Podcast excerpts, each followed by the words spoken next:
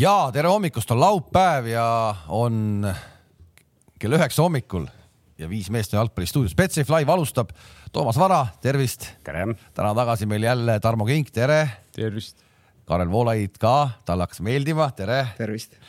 ja siis loomulikult eh, mees, kelle nime juures saab ära võtta Paide spordi ja jätta lihtsalt direktor. siin on ikkagi mees, kes on noh, kasvanud välja Paide spordidirektoriks, on saanud lihtsalt direktor, Gerd Kamps, tere. tere hommikust. hakka peale siis lihtsalt direktor ei, ei noh, alustame ikkagi sellest, et räägime kõigepealt ära paar tähtsat, aga siiski EM-i välist lugu. ma tahtsin, no, hakkaks peale no,. sa hakka... mõtlesid, et ta räägib ise no, just, ära ausalt või? no just, ma tahtsin hakka peale noh. Kert juba tõmbas kopsu õhku täiesti tähelepanelikud vaatajad märkasid, et kui Paide spordidirektor täna ikkagi stuudio ette parklasse lihtsalt direktor saabus, lihtsalt direktor, siis tundub, et Paidele on igatahes UEFA eurorahad on üle kandnud, sest see ikkagi sõiduvahend, millega nüüd täna hommikul siis äh, mees laekus, noh, see näitab, et äh, kuidas me ütleme, see on nagu me, me oleme kõik rõõmsad, me pigem natukene võib-olla muretseme Paide mängijate pärast, sest ma kahtlustan, et see ühtlasi tähendab ka seda, et Paide sõidab ikkagi Poola mängule bussiga. jah, sest Anier kunagi käis siin stuudios midagi tegemas, siis tal oli üks mure, et Paidel ei ole seda Kitmani, Kitmani, kes äh, vormid, putsad puhtaks teeb, vormid puhtaks peseks ja nii edasi. noh, nüüd seda ei tule ka. Selle auto põhjal seda enam ei tule ka ja seal ikkagi tundub, et minnakse selle vana ajaloolise traditsiooni juurde, et, et kõige nooremad mehed teevad ikkagi vanematel ässadel teevad puutsad puhtaks, on ju, kink vanasti. see, see peaks vaatama, kas see mäng juba radarisse läheb, peetriradarisse pigem. vaadates seda autot. ma vaatasin ka, mõtlesin, et ilmselt juba mingi panus lükatud peale. ei noh, ma saan aru, siin natuke kadedus räägib, aga. ei on, muidugi on. ei no muidugi on arusaamatu, kuidas ikkagist Paidest tullakse selliste autodega välja, noh? Ei, kõik, kõik on, kõik on korras ses suhtes, et ma kohe annan selle auto ära peale saadet, et ei pea muretsema nagu. Ma eile vaatasin tal õhtul neid rulluiske, need ei olnud kõige kallimad, normaalsed. No aga igal juhul pange tähele ja kes te elate Tallinna kesklinnas ja praegu jälgite nagu meid otse-eetris, siis tasub tulla siia jalutama, siia jalutama, sest ma arvan, et siin ikka paar tiiru ümber kvartali tehakse ka, ega sellega kohe koju ei sõida. kohe seda naabrimehel, kohe naabrimehel tagasi ei viida. Kuule, Tarmo, kus sa olid nii kaua siis vahepeal? ma olin meeskonnaga laagris. Ja kust siis tänapäeval laagerdatakse, vanasti käidi Küprosel? vanasti käidi Küprosel ja, aga meil nii hästi ei lähe, et ostame igaüks endale uued bemmid, et me olime Pärnus. Ausalt aga ausad mehed. kui, kui infosulus või kui palju te nagu maailmas toimuvat saite jälgida, et ei. kas te teate, et teil on vahepeal eurovastane ka loosi? ma kordan veel, Pärnus olime aga kas sa tead, et Pajenko lahkus teil sait? ole või? sulle tundub, oled... ega ma Vladivostokis ei olnud, ma olin Pärnus sa, aga olete nagu treeninguid üles ehitades aru saanud, et Pajenkot ei ole või? sa vaatasime küll, et tühi koht. kogu aeg saab sööta sinna kaitsjate vahele, et on rohkem ruumi tekkinud. kõik on teada jah. kuule, aga. Taki läheb riietusruumist iga hommikupoole välja, vaatab, loeb ruttu mehed igaks juhuks üle, et kas peab peale minema keskkaitsesse või ründesse. ma arvan, see on kõik positiivne. täna on vorm ikka juba selline, et võid minna küll. no viimasel ajal on pendlaid sisse saanud ka vaata, et võib-olla isegi saab juba trennis. ei no õnneks me kõik mäletame ikkagi, me ju lugesime märtsis iga, iga nädal, kui siin kokku saime, lugesime neid Levadia mehi eraldi üle ja noh, see oli ikka uskumatu pikk nimekiri. Õnneks teil on nüüd praegu kuskilt sealt natuke ikkagi järgi ka anda, eks?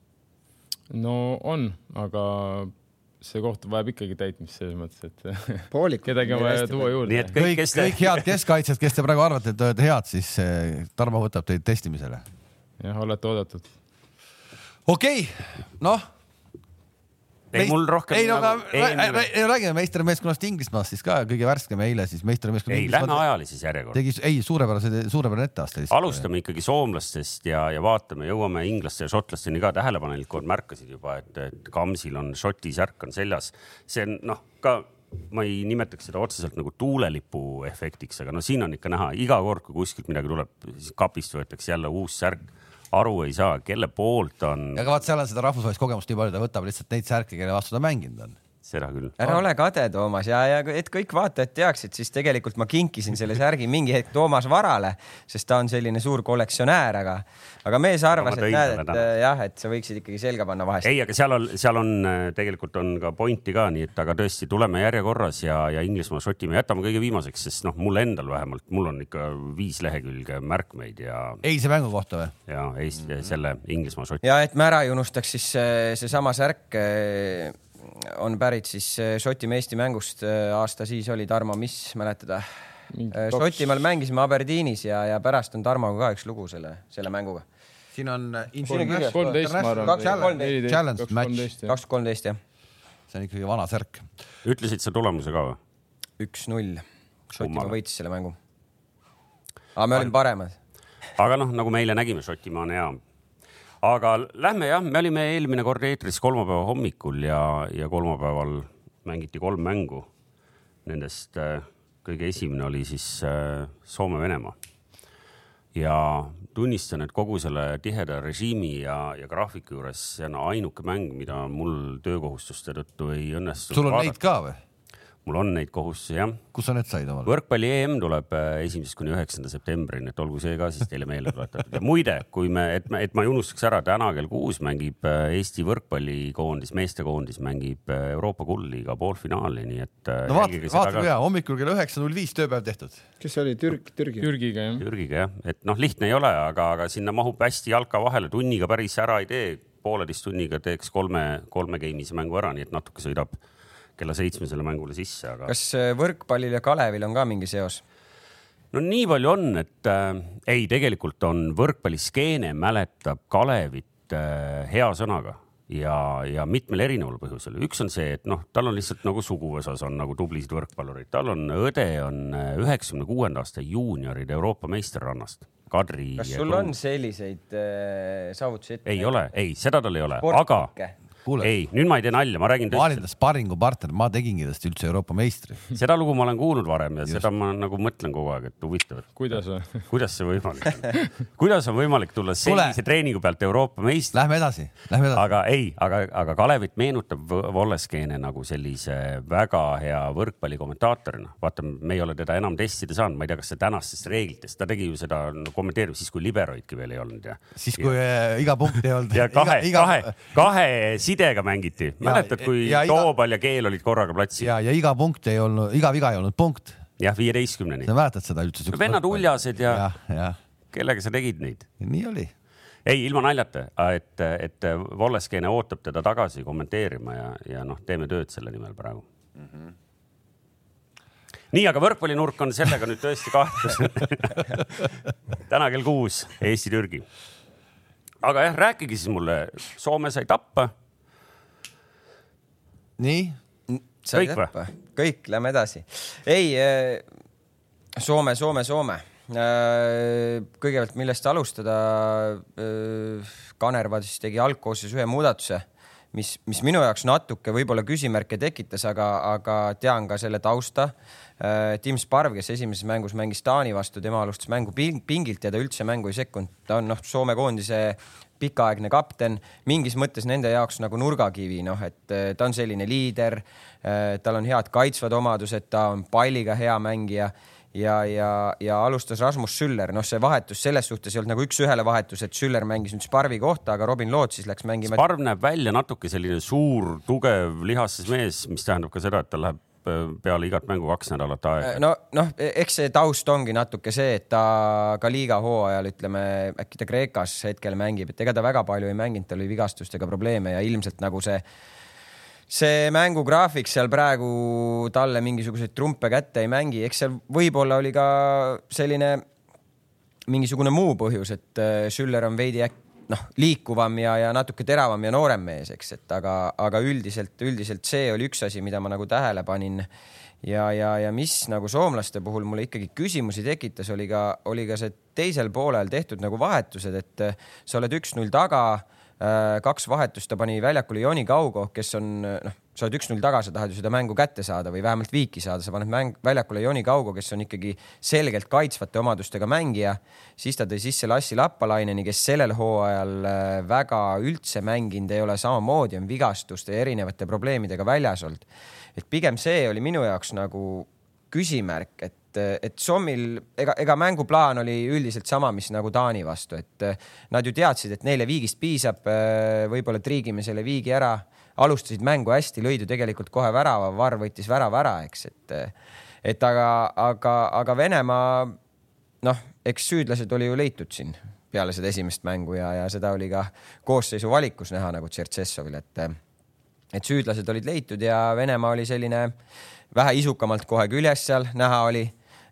rahvas oli taga ja, ja see värav ka, mis nad lõid, tegelikult sommid ikkagi andsid päris palju aega ja ruumi seal sellel Mirantšukil sättida, et ja kohe seal riietusruumi kaasa ja, ja, ja ega seal nagu ikkagi päeva lõpuks nagu Soomel noh, mingit, mingisuguseid nagu selliseid suuri või häid momente ju tegelikult ei olnudki, et Venemaa suutis ikkagi suutis ikkagi need asjad seal kontrolli all hoida ja, ja lugesin ka, mis peatreener ütles, et po, nagu peale mängu, et äh, nende plaan oli läbi äärte rünnata ja, ja suures plaanis see toimis ja me olime nagu ühtne meeskond väljakul, mida oli ka võrreldes selle esimese mänguga näha, sest selle esimese mängu see esimene poolega Venemaa poolt oli ikka selline väga loid, okei okay,, Belgia jah, aga, aga ikkagi kahe võitlustes nagu oldi kaugel ja, ja, ja, ja duelle ei võidetud ja nii edasi, et see on võib-olla minu nägemus sellest mängust et.... kas ähm, äh, selles mõttes, et äh, Teemu Pukki neljas mäng, eks ju, kuival, me siin vahepeal harjusime ära või noh, tegime tast ise siin ka Eesti meedias sellise ikkagi nagu noh A-kategooria mehe. ei no kes ikkagi valiksarjades lööb kõige rohkem väravaid, siis see tühjalt ei tehta tast. no championship'is paljude seas ta lõi ka mingi kakskümmend üheksa või, või mis see väga suur number oli, et ega ta mingi. kui sa lööd valiksarjas kümme aga... väravat, siis sa ikkagi noh, paratamatult sa satud kuskile spordilehte. ma panen peast praegu, aga tegelikult need Norwichi väravad, need jäid sinna jaanuari-veebruari ja. ja kevadel, tal oli siin ka vigastus, eks ju, me rääkisime sellest vist põgusalt, et noh, ma, ma ei tahtnud mitte Teemu Pukki kallal norida, aga noh, ilmselgelt äh, kui su kõige kõvem mees on siin juba neljandat mängu kuival, noh siis eh, noh, ja see mees, kes väga selgelt on nagu see, kes neid, neid kontreid peaks seal, eks ju, lahendama. ei tea, sa nägid seda mängu, Tarmo? Ma nägin jah, ma teist poolega ei näinud, et aga esimest poolega nägin, mis mind nagu, et ma ise lootsin Soomest, ütleme rohkem, et ma saan aru, Soome mänguplaan oli ja et neile piisab viigist, aga ma nagu lootsin, et nad hakkavad, mitte Venemaa absoluutselt ei mänginud hästi minu jaoks mitte midagi erilist, sellepärast ma lootsingi, et äkki Soome isegi mängib nagu palliga rohkem ja suudab nagu rohkem positsioonirünnakuid äh, nagu luua. et äh, liiga nagu ma ei tea, kas nad siis äh, olidki valmis, et neile tõesti viigist piisab, et oleks võinud rohkem nagu üritada mängida ise, et ma arvan, et äh, Venemaa on neile jõukohane vastane. ma oleks tahtnud rohkem seda näha, ma kahjuks teist poolega ei näe, ei näinud, et võib-olla seal siis nad mängisid rohkem aga noh, minu jaoks täitsa Venemaa, neid, võtan Venemaa koondise, siis noh, selle koondisega pole väga midagi peale hakata, noh. no minu arust ei olnud äh, ju nii ühte auku mäng, et, Venemaa oleks nüüd väga-väga palju üle olnud. Ma, aga ma räägin, ma oleks tahtnud Soomet mängida, aga Soome oleks võinud veel julgemalt mängida, ma arvan, et see oli see Venemaa koondis, keda nad oleks võinud rahulikult hammustada seal Peterburis. ma toon natuke kuivasid numbreid lihtsalt juurde selle mängu iseloomustamiseks, mis on täiesti teistsugune mäng võrreldes eelnevatega mõlemad meeskonnad kokku vastaste kastis viiskümmend kolm puudet, see on kõige rohkem seni euromängudel ehk et nii palju jõuti vastaste kasti. peale lööke tehti kakskümmend viis, aga neid summiti siis ma ei tea. neliteist ja üksteist ehk et ja kogu selle summimise pealt, kui me vaatame täna, kui palju tegelikult kastidesse siruli visatakse, kus on pall nii palju vastaste kastis, me ei näinud sellist tegelikult, et pendla, pendla, pendla kalastamisi väga palju ei olnud või? No ma räägin, ma ei näinud seda, võib-olla tõesti oligi siis, aga ma räägin, minu jaoks Soome esimene poolega oleks võinud olla palju, ütleme siis agressiivsem, proovid ise mängida seda mängu, sest ma arvan, et Venemaa oleks neile andnud seda mängida, et ja minu need numbrid tegelikult mulle ei ütle kunagi eriti mitte midagi. eile oli Inglismaa, Šotimaa oli pool possession oli kuuskümmend viis, kolmkümmend viis, ma absoluutselt ei saanud aru, kus see Inglismaa kuuskümmend viis oli, et selles mõttes, et see on nagu. ei no me rääkisime siin sellest samast äh, Rootsi, Rootsi ja Hispaaniaga kaheksakümmend viis, viisteist, ma sellist numbrit polegi kunagi näinud, eks. noh, okei okay, no, seal ma, seal oli ma saan aru, pigem ütleb, et noh, pildis seda et, ei saanud aru. seal oli pildis aru saada, et tõesti Rootsi esimene poolega oli nagu väga raske, Rootsi samas teine poolega Rootsi oli väga ohtlik, noh, aga ma mõtlen just seda, et ma nagu mängupildis ma näiteks see kuuskümmend viis, kolmkümmend viis minu jaoks eile ei kajastunud kuskil. katapuldi mehed mõõdavad neid ju kuidagi. ei no seal. eks ta oli tõsi, ma räägin. Lähme Venemaa, Venemaa, Soomes oli, see oli viiskümmend kaheksa, nelikümmend üks, see on jumala okei mäng, noh, see on jumala seal ei olnud. mul on paar, paar tähelepanekut, Sparviga oli huvitav lugu, et ta ju on võistkonna kapten ka, et et ta ütles peale mängu, et no niisugune selline, et ta on Kanervaga väga ühe joone peal olnud aastaid, muideks Sparvi statistika on selline, et kui tema on väljakul, Soome võidab rohkem kui kaotab. aga et ta ei toonud konkreetset põhjust välja, miks ta ei mänginud, aga ta ütles, et meil on nagu hästi võrdne võistkond, mis minu jaoks tundus nagu kuidagi imelik selles mõttes, et et ta hästi viisakalt Kanerva otsust nagu väljendas, et äh, kui ma ei alustanud, noh, ei ole probleemi ja midagi sellist ja ja siis ta tõi tegelikult välja ka selle oma põlvevigastuse, ütles, et noh, et see tundub imelik, et Kanerva ei hoia ju teda nagu Belgia vastu, et aga ma arvan, et kuskil vaikselt võib-olla kõrva taga seal Kanerval tõesti teine noh, nagu on professor, et võtame viigi, me läheme alagrupist edasi, mul on seda Sparvi veel vaja, tal on tegelikult Pukit veel vaja ja, ja Sparv nagu ei tundunud nagu selles intervjuus kuidagi pettunud, et ta nagu mängida ei saanud. aga seal ei olnud sellist kindlat põhjust, et see oli taktikaline valik või midagi sellist, et ütles, kui treener ei pane, siis on kõik korras mulle, et me oleme temaga palju rääkinud ja ja, ja nüüd ma hüppan sealt nagu puki peale, et pukk on tegelikult sama nagu Sparv, et ta ei ole taastunud sellest vigastusest, ma arvan, tal on jalg täi, kinni teibitud, ta mängib valuvaigistitega ta, ta mängis Eesti vastu raudselt äh, sellise oma pooliku jalaga, tema, ta tahab lihtsalt äh, EM-finaalturniiril väljakul ära käia. võib-olla mingi asja ära suusatada, teab, et Soome võib-olla kakskümmend aastat ei saa sinna. omal märk maha pandud ja ta tegelikult Pohjanmaal on kordades teravam kui tema praegu. ja kõik puki momendid, mis tekkinud, tekkisid Venemaa vastu, oli nii, et Vene kaitse hoidis teda nii palju enda ees kui võimalik, kogu aeg kõik tema Norwichi väravad, eh, Nations liiga koondise väravad on kuskilt läbi murrete pealt, ta oskab sealt kuskilt tempo pealt sisse. ja nüüd oli nii, et ta oli kogu aeg kaitse ees, kui ta palli sai, et ta lasti kontroll teha, lüüa, aga see ei ole noh, Itaalia mõistes nagu Insigne stiilis, et ta ei ole selline tahanurka keerutaja väga.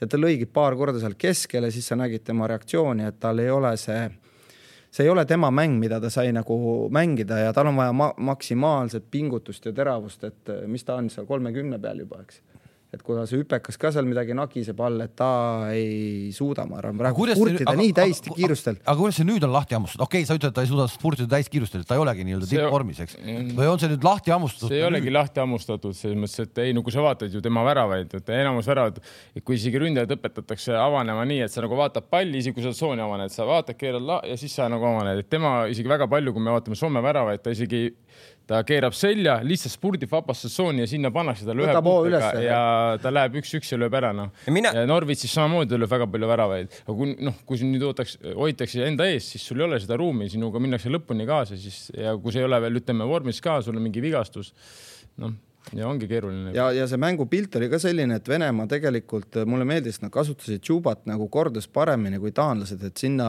ta jagas seal ühele poole, teisele poole, soomlasel oligi loll dilemma, et Neil oli kolm punkti all, venelased lähevad närvi, kui nad ei saa väravat, see selline klassikaline hoiame esimene poolaeg taga asjad korras, et väga ei ava, sest nende poolikud teevad muidu meiega seal üks-null.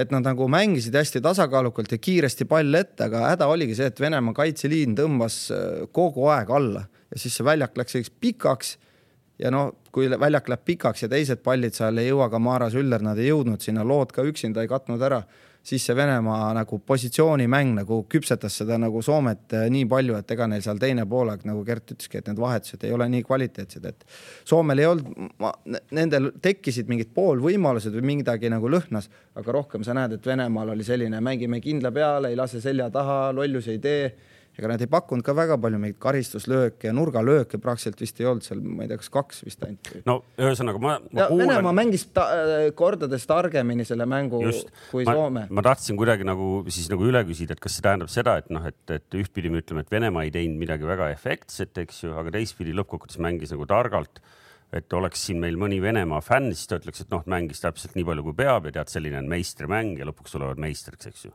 põhimõtteliselt me jõuame, me jõuame Inglismaa juurde pärast. mis meistriks nad tulevad? päris pikalt rääkisime Soome-Venemaast, aga ma ütlen, võib-olla minu resümee on see, et Venemaa suutis eh, nii rahulikult riietusruumist välja tulla, et neil ei tekkinud mängu jooksul kordagi niisugust paanikat, et, et eh, venelastel ongi see, see kaheteistkümnes miinusmängija või keegi, kes hakkab nende vastu mängima, nende oma pea. räägime Venemaa nagu staarmängijast äh,, Artjom Tšubast ka ikkagi, et ega tal on ka päris pikk seeria nagu ilma väravate aga tead, ta kuidagi väljaku peal oli jube selline nagu rahulik või selline, et ta ei vehkinud seal kätega, ei jäänud seal kohtunike taga, et mõnikord sa näed seal need, need piiks, piiks, piiks sõnad lendavad seal või kuidagi, aga. vaata, kuidagi jagas nagu..., jagas kaaslastele. mis rahu teinud, sa, sa ikkagi näed, et siin on ikkagi kingi käekiri ka, vaata, ta on ikkagi minu õpilane selles mõttes, et. jagas, jagas.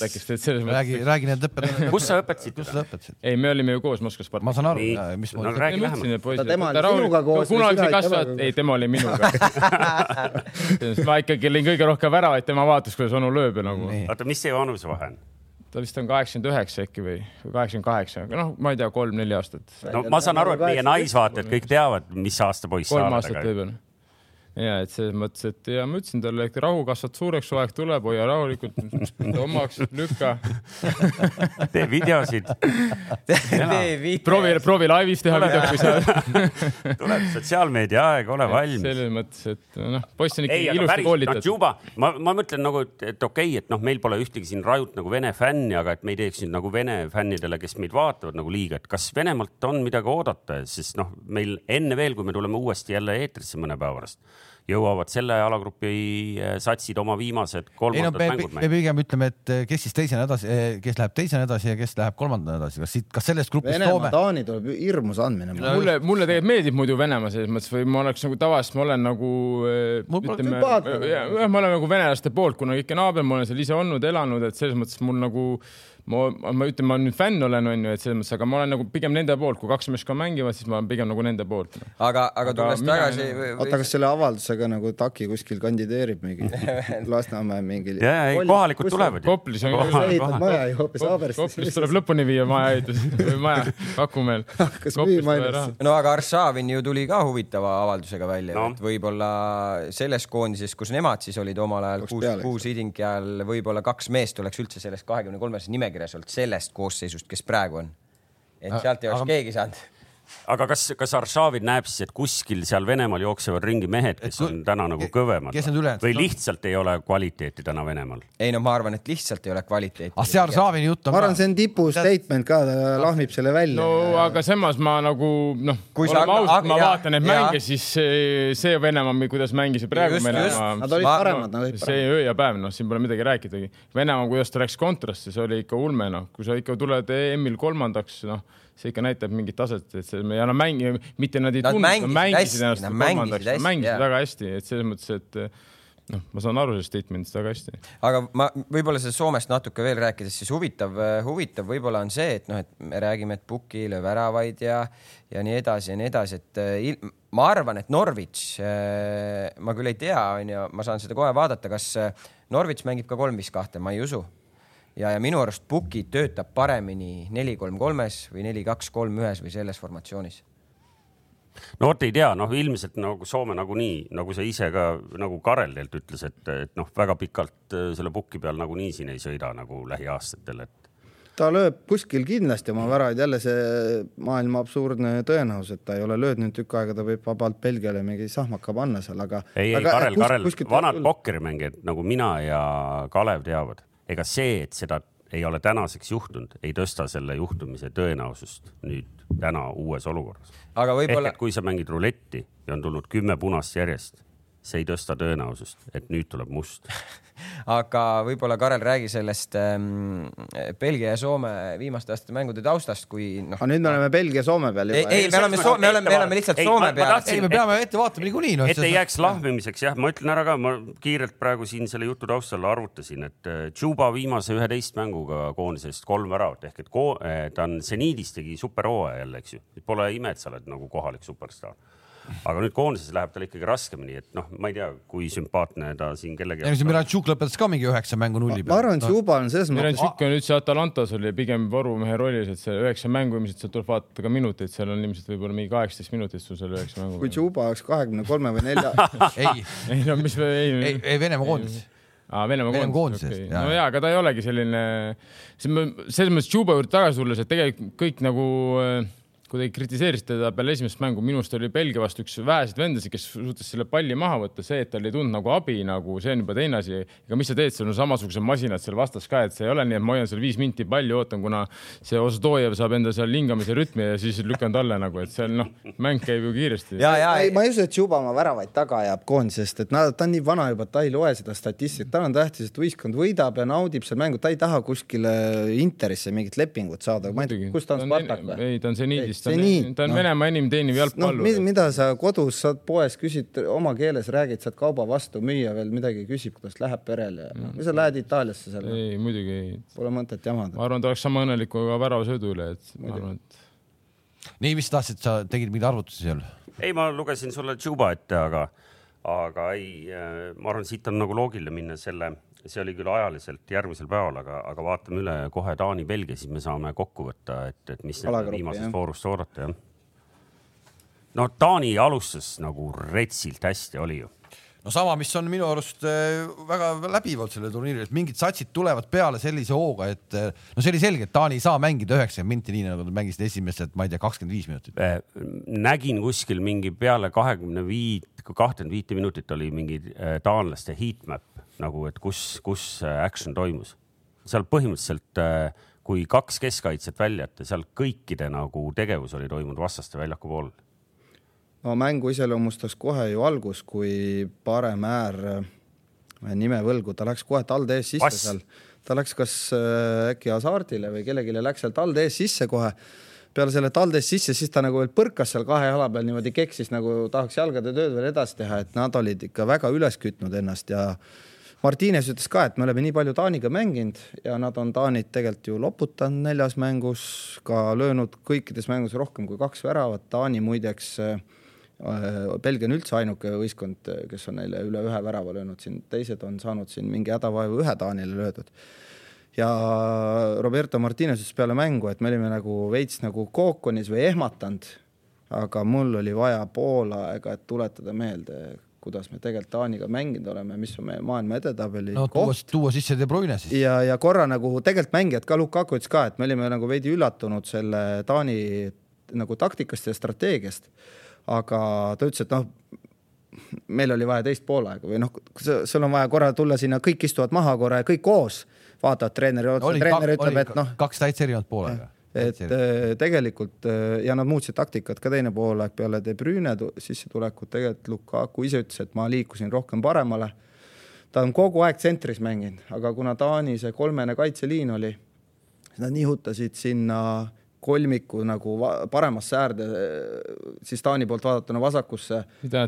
ja nad hakkasid, hakkasid nagu sellist nagu ruumi leidma nagu paremini ja De Brünel tekkis kohe seal kaitseliini ees ruum, et natuke taktikat, natukene vaimset poolt ja võib-olla siis ütleme nii, et piisavalt oli kvaliteeti, et mitte null kahega poolele minna, et tulla rahulikult mängu tagasi. no MM-il kasutas Belgia sama tegelikult, et Lukaku toodi natuke rohkem ühe ääre peale ja et selles mõttes seal on nagu, kui ütleme, tagaväel mängitakse kolmega, kas Taani vist mängis kolmega taga või? et siis noh, kui see äär tõuseb ette, kui nad nii nagu äh, samamoodi lahmivad edasi, siis tähendab seda, et sa ikkagi jääd kuskil üks-ühe peale selle keskkaitsega, et kui sa oled seal keskel, siis sa tavaliselt ikkagi jääd kaks-ühe vastu jah, sa oled seotud nagu sellest. selles mõttes, et nüüd ta, kui sa liigud ära, siis see tähendab seda, et sa oled üks-ühe vastu ja noh, Lukaku üks-ühe vastu nagu lasta ei, ei, pigem ei tohiks noh. no De Bruynet äh, kiideti siin palju mängu ajal ja, ja mängu järgselt, eks ju, eriti, aga panite tähele, et äh, Eden Hazard tuli sisse? ei pannud ei, ei, mina panin, Edin Hazard oli, oli võrreldes nende viimaste kuradi etüüdidega, kus ta seal kümne-viieteist minuti kaupa on kuskil käinud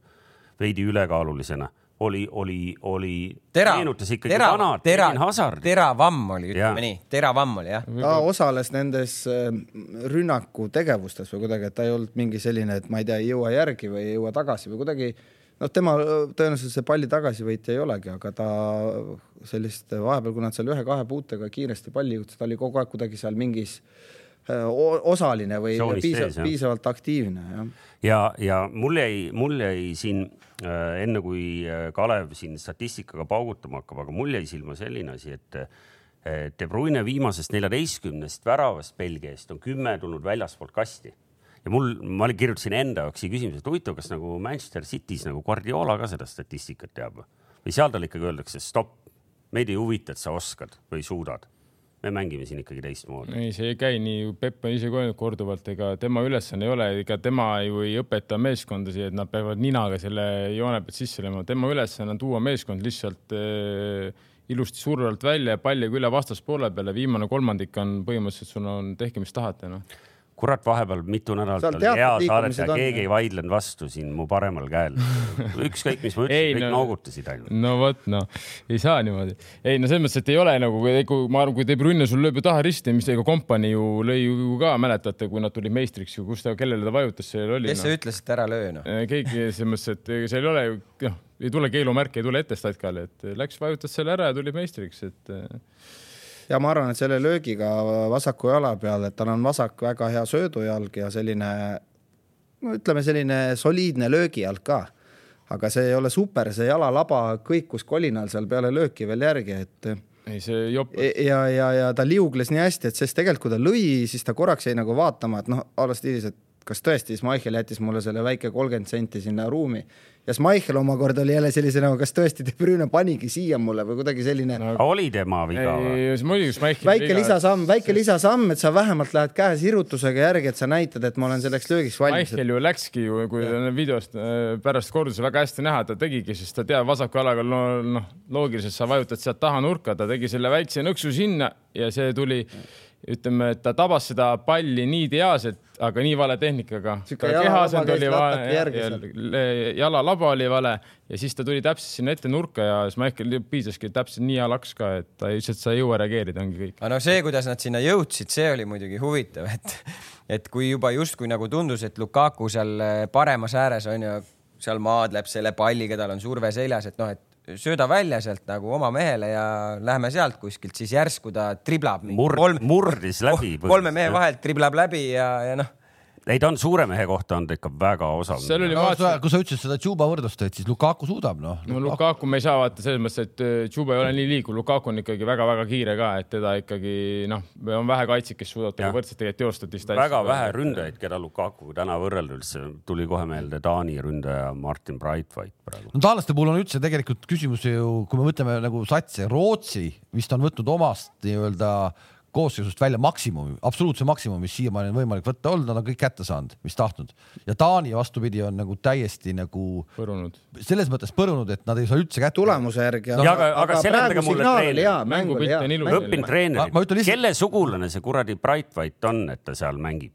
Ta üldse jalgpalli mängib. ta, ta pallib, ta liikumised ja kõik ja, ja. ta pani kõik... peaga ristikasse tegelikult. ja ta saab proovida, ega ta, ta jõuab ka pealelöökideni aeg-ajalt. Taanil kokku nelikümmend kolm pealelööki kahe mängu peale. selle, ma ütlen, et vära. selle teise mängu numbreid vaadates vaatad, see ei ole loogiline, et kui paned sinna Belgia asemel mingi, no ütleme Belgia, Itaalia, Prantsusmaa mingid tipud võtad välja, paned mingi Austria sinna, see ei ole võimalik, et Taani ei võida siukese no, statistika mängu, aga see ongi see. Soomet ka. Ja... taanlastele kokku on löödud peale seitse korda, kolm on kotis aga see ongi kvaliteedi märk Belgiale, et sa võid seal rammida ja joosta ja nagu kuidagi, ma ei tea, publikul olid seal käed püsti, õlletopsid lendasid, loobiti seal Courtois'd seal lõpus, et äh, Martines ütles ka, et selline nagu inglise keeles see hostile või selline nagu mm, nega-, vaenulik. Ne, vaenulik nagu õhkkond nende suhtes, see on jälle see see Lukaku ainult silmanurgas seal naeratab, et jumal tänatud, et te siin karjute meie vastu või Bruyne, et sa oled põmm võrku, kõik jääb haud vaikseks, see annab sulle adrenaliini juurde, et muideks viimane mäng Taani mängib Venemaaga kodus, aga ma arvan, et seal. ja Venemaa peab Piitrist ära sõitma. ma arvan, et seal on neile see trump. kummale?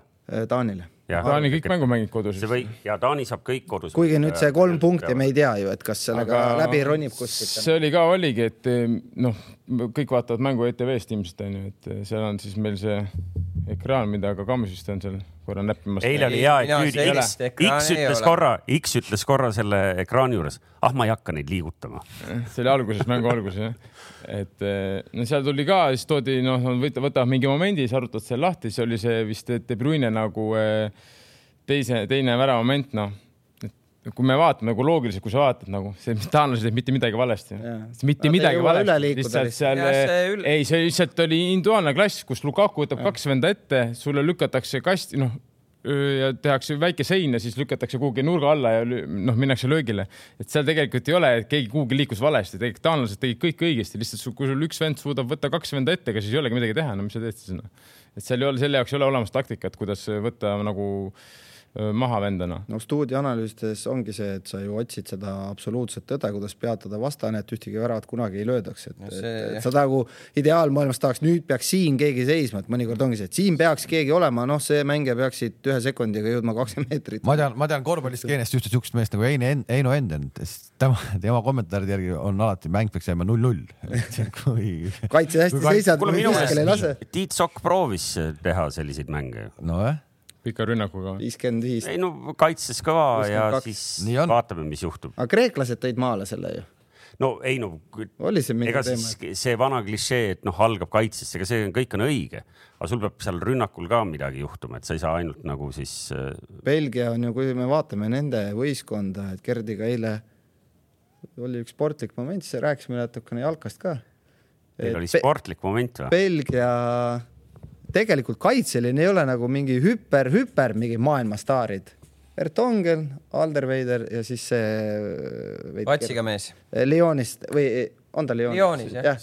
Denier või? Denier, jah, jah ta on küll seal noortekoondisest läbi käinud, tulnud üles, aga tegelikult kui võtad peale, ei ole nagu mingi mega-mega, et Belgia on tõenäoliselt maailma tipus sellepärast, et seal üleval on nii kõvad vennad, et vastased ei saa nendega seal hakkama, mitte nii, et Belgial on mingi hirmkõva kaitse, mida keegi murda ei suuda, et nad lihtsalt üleval on nii head, nad löövad väga palju väravaid ja nende praegu näitajad on viimase aastaga või kahega alla läinud, liiga vähe või kuidagi või nad on löönud varem rohkem veel isegi, et nad on, ma ütlen nii, et ja, me ei näe isegi. Eesti jalagrupis ka. ja, ja, ja, ja see, et see nad on seda, seda ka formatsiooni nagu see suhteliselt sama seltskond mängijaid on juba päris palju aastaid nagu mänginud et tegelikult seal ju väga palju muutuseid ei ole, nagu ma ütlen, isegi kui sa võtad seda no, algkoosseisu, kes väljakul on, noh, seal ei ole ju väga palju muutuseid aastatega, tal on pingil küll mingid noored kudid, see Toku ja, ja, ja kes tal seal on, aga suures pildis see noh, nagu nad ise ütlevad, kuldne generatsioon on ju, et. ega neil ei ole palju jäänud, see EM ja järgmine MM, ega no, siis põhimõtteliselt juba on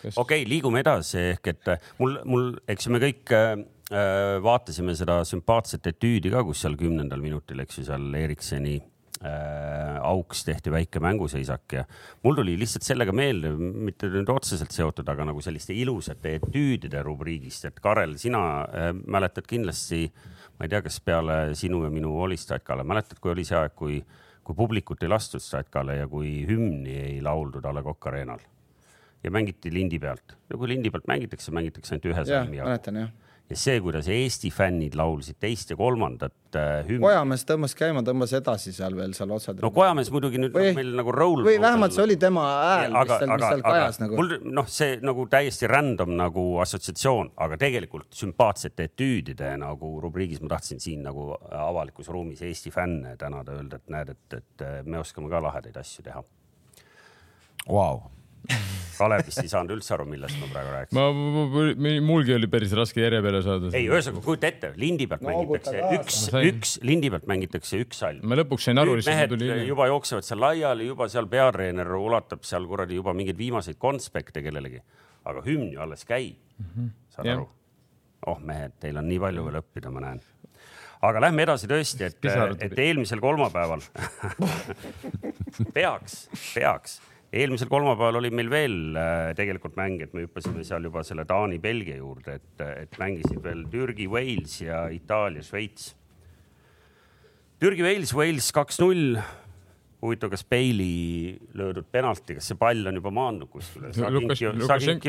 Lukašenko saad selle hävitajaid järgi ja kaks penaltit viimasel ajal. kuule, aga ekspert vasakuäälne, mina vasakuäälne takinas. ütle, mis, mis sinu silme läbi ta see häda oli seal pendla momendil? kuule, mulle, ma räägin, mulle räägiti üks teooria, ma ei hakka rääkima, kes see rääkis, mul oli üks teooria väga pikalt räägiti ära, vasakujalgsed, vasakjalgsetel ongi juba looduslikult väga raske penaltid lüüa. vastupidi, parem on, sest see on ära tampimata see tugijala koht. vasakujalgsel on parem lüüa. vasakujalgsed pidi olema looduslikult äh, juba raske. sa mõtled Messit või?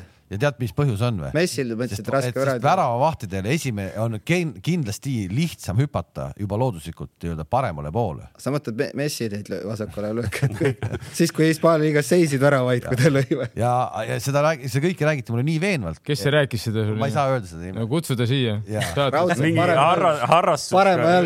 me paneme joonele, vaatame ja, ja, ja siis ma lihtsalt, ma ei jaksanud vastu vaielda, nook, nook oli see ah,. Noogi Voll, Noogi Voll on äh, ise alustanud oma jalgpallikarjääri kunagi äh, väravavahina tegi endale nendest Pinksi kinnastest tegi või Pinksi tead reketi kattest tegi endale kindad ja tegelikult väga tubli spordimees, siiani näete teda rattaga sõitmas üle Eesti väga pikki distantse ehk et äh, ilma naljata. selles mõttes, et tema teooria tegelikult on ka varem on sellest räägitud, et on hea, et räägitakse, et vasakjalgsetel on kuidagi see ebaõnnestumisprotsent suurem vist. kui sa oled vasakukäeline näiteks võrkpallis, ma olen paar korda elus võrku löönud, sa hüppad parema jala pealt üles, kui sa hüppad ühe jala peal et lüüa diagonaalis käega. noh, näiteks ühe jala pealt, kuigi võrgust tuleb ilusti kahe, kahe jalaga hüpata, aga mõni vend hüppab ühega. ei, vasak käsi volles, kui sa oled hea, on, on pigem eelis. ta on ebamugavam, harjumatum plokis. kui sa, kui sa oled väravas paremakäeline, sa tõukad vasaku jalaga parema käe poole, aga kui vasakujalgne lööb sulle tahanurka, sa pead tõu-, tõukama parema jalaga vasaku käe poole, et, et seal ei ole ju seda loogikat, sul ei ole lihtsam taganurka kaitsta. spordi, spordiajakirjanik Kruus, ma ei tea, kuidas tänane seis on. ma olen vasaku, ma olen, ma olen vasakukäeline, ma kuulan huviga, mis te räägite. oli, oli siin ka. alles kümme, kakskümmend aastat tagasi permanentselt kõik,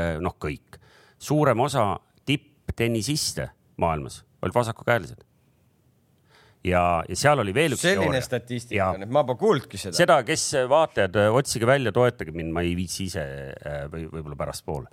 aga seal ja seal oli mingi teooria, et, et kummast iganes ajupoolest, siis ilmselt vasakust tulevad need nagu signaalid lihasesse liigutamiseks see tee vasakult poolt siia vasakusse kätte. sellepärast ma nii, sellepärast ma nii liikuv olengi, sellepärast ma olengi nii liikuv. ja ma olen märganud, sa oled, sa oled väga terav just, mingites just, hetkedes, kus seal just, nagu ajust mingid signaalid tulevad. just, just aga Pei-, aga, aga, aga Pei-, Peili see penalt oli meil see teema, see, kus ta, et ma tahtsin Taki eest teada, et mis sul see teooria on, et ta sinna mm. küttis sinna. ma jään su täiesti võlgu, sest ma ei näinudki seda pennalt. aga pennut pole ka näinud? ei ole, pennut okay, ma ei näinud. sportlikust huvist. ta käis Pajenkoga Ukrainas. seal on, minul on üks lihtne versioon, et ta, ta tegi mingi nõksu, ta on varem ka teinud neid nõkse, aga ta tegi selle nõksu niimoodi, et see samm viimase löögihetkeni jäi päris kaugele, et ta pidi tegema nagu tippima seal vahepeal, ta ei teinud, tegi pika sammu ja väravat vajus äh, tema lööginurga suunas mm., õlaga hakkas vajuma.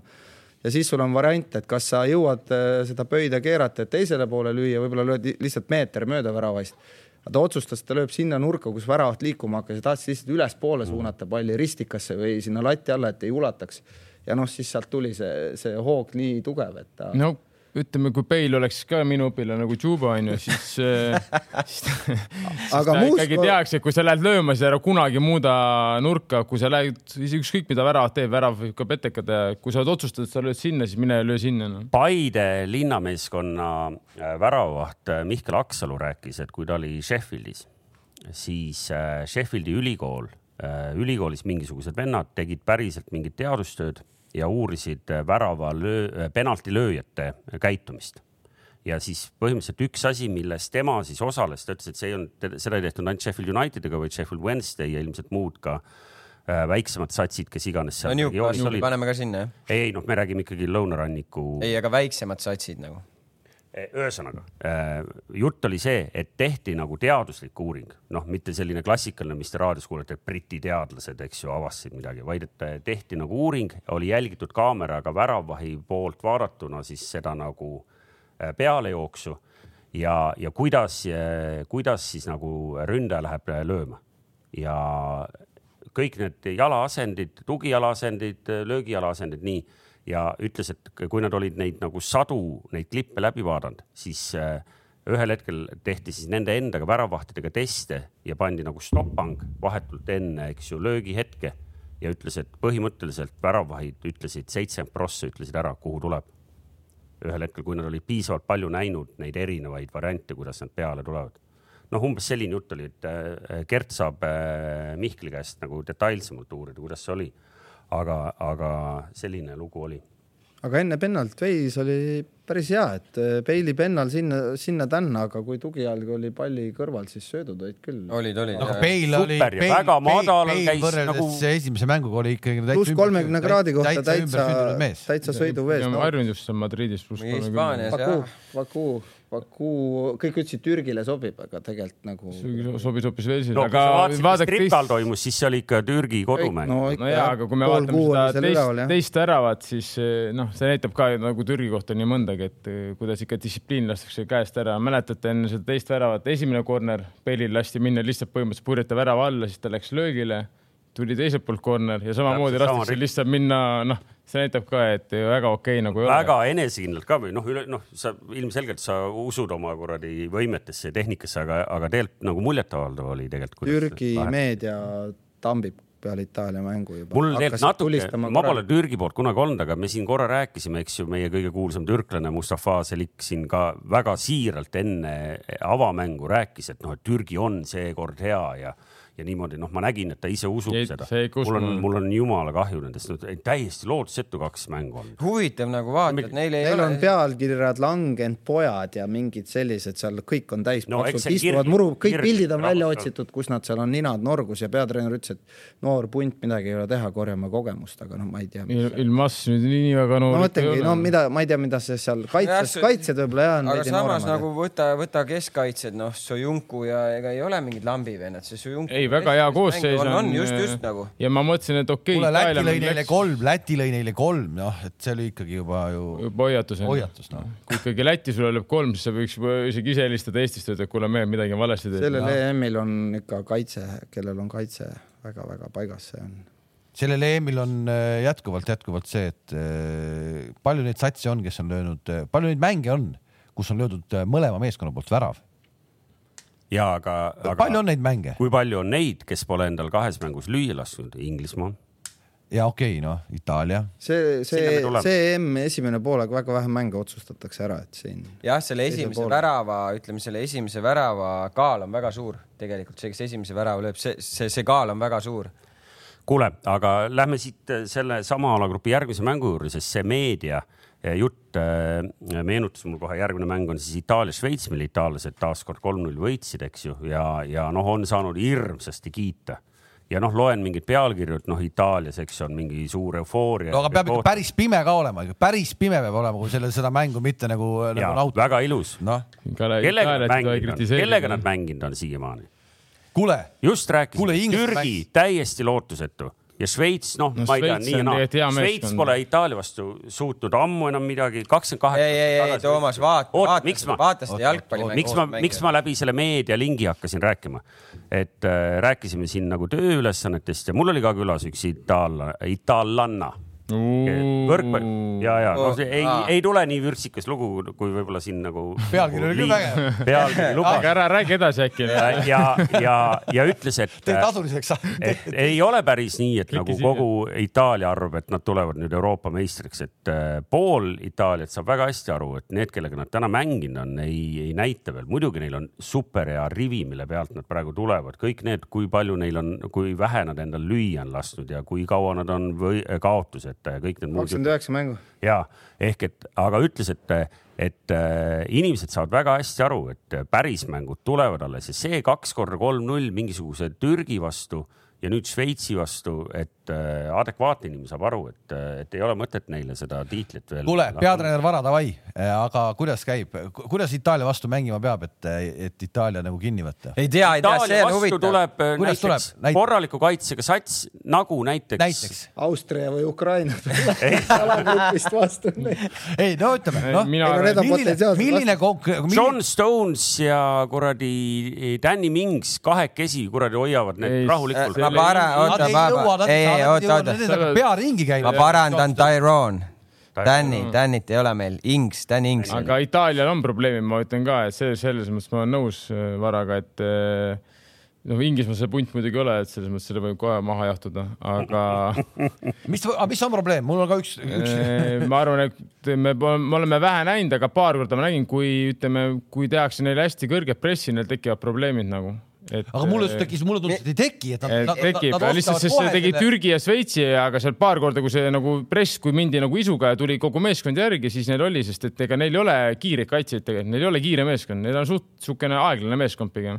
ja kui sul tuleb nüüd Prantsusmaa sinna kiires üles pressi tegema ja kõrget pressi, mida ma arvan, muidugi Prantsusmaa null-nulli pealt kindlasti ei tee, siis neil tekivad probleemid. Noh. teine asi, noh ma jätaks selle Kellini, kui ta mängib, noh, las tõuseb selle palliga, kuhu ta tõuseb see.... tema dribling on ju niimoodi, et ta viskab palli ette, siis läheb spaagiga järgi ja siis mängis ühest läbi, noh. et selles mõttes, et seal tekivad probleemid. ei, aga, aga ta vahetati välja esimese poole. ma arvan, et ta ei mängi eelmist EM-i läbi. ma lugesin, ta ütles, ma ennetasin seda kõige hullemat või kuidagi, et ja siis tuli kohe Robinal järgi need kõik, kes, kui head teised keskkaitsjad on ja, ja no temal oli selge märk, ta juba rääkis seal Austriast ja Ukrainast, nad juba sätivad seal juba analüüsid käivad, et seal väga-väga enesekindlus. kas sa oled, kas sa oled vaadanud seda tabeliseisu siin järjekordselt kuskilt mingid pealkirjad tulevad, et Itaalial ei oleks isegi, ei oleks hea, kui nad ei võidaks seda algruppi, et siis on lihtsam minna edasi, aga ilmselt no, juba, juba on võitnud vist.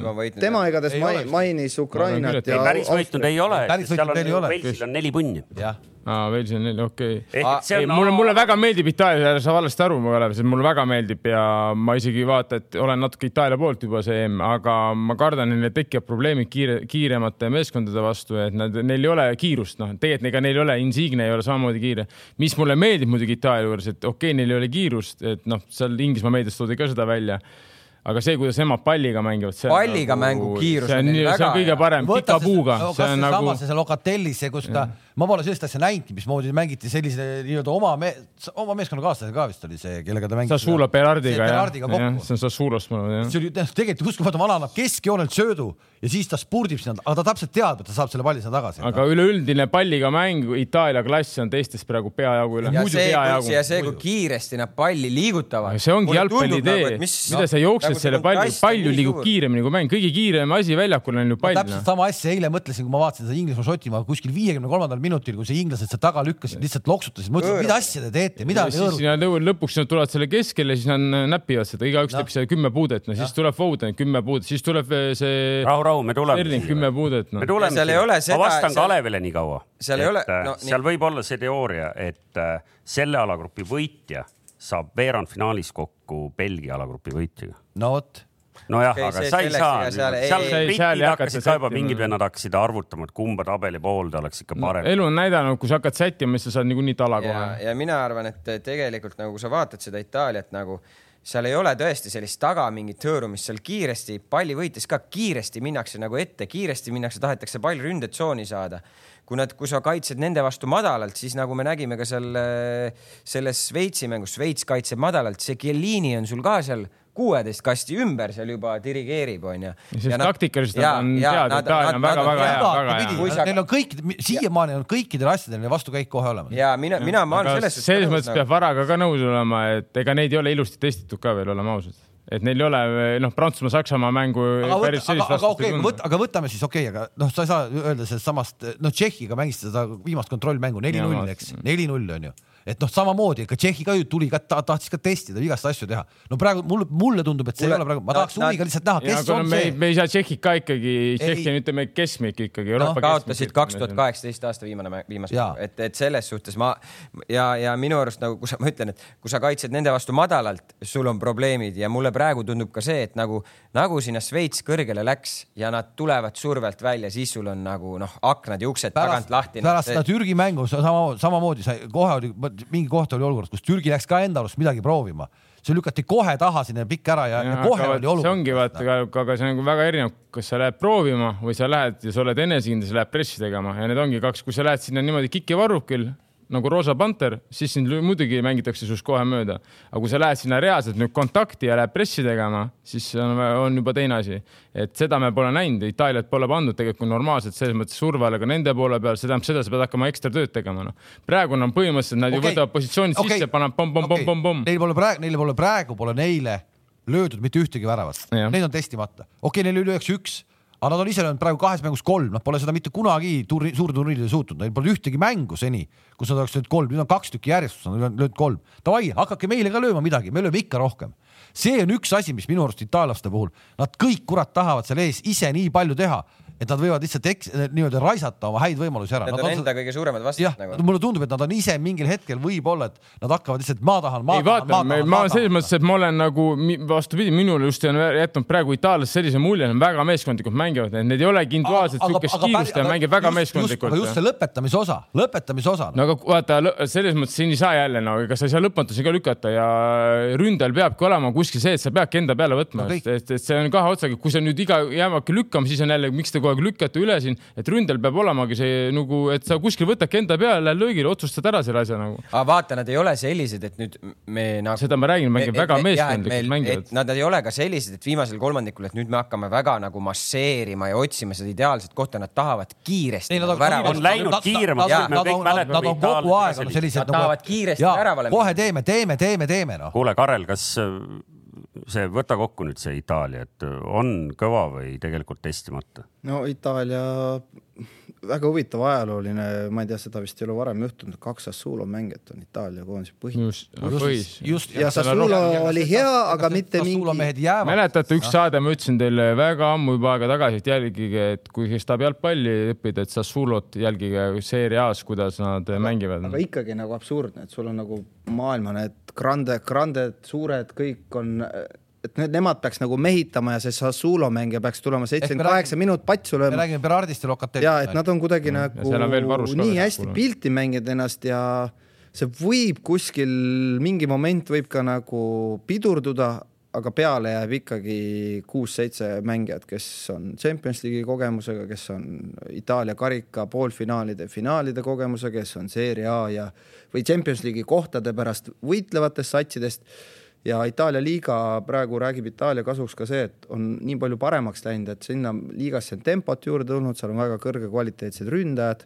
et Itaalia ei ole enam see selline madala tempoga mingi ühe värava all, siis seisame seal viis minti, lähme teise värava alla viis minti, et nad oskavad ka väga hästi üleminekuid mängida, et noh, tõenäoliselt Prantsusmaa stiilis kaitseliin, võtame jälle see Saksamaa mängu Prantsusmaa kaitseliini, seal on üli-ülikõrge kvaliteet nemad võivad lubada omale veidi madalamalt ka Itaaliaga mängimist, sest neil on seda üks-üks ja mängu lugemise kvaliteeti rohkem.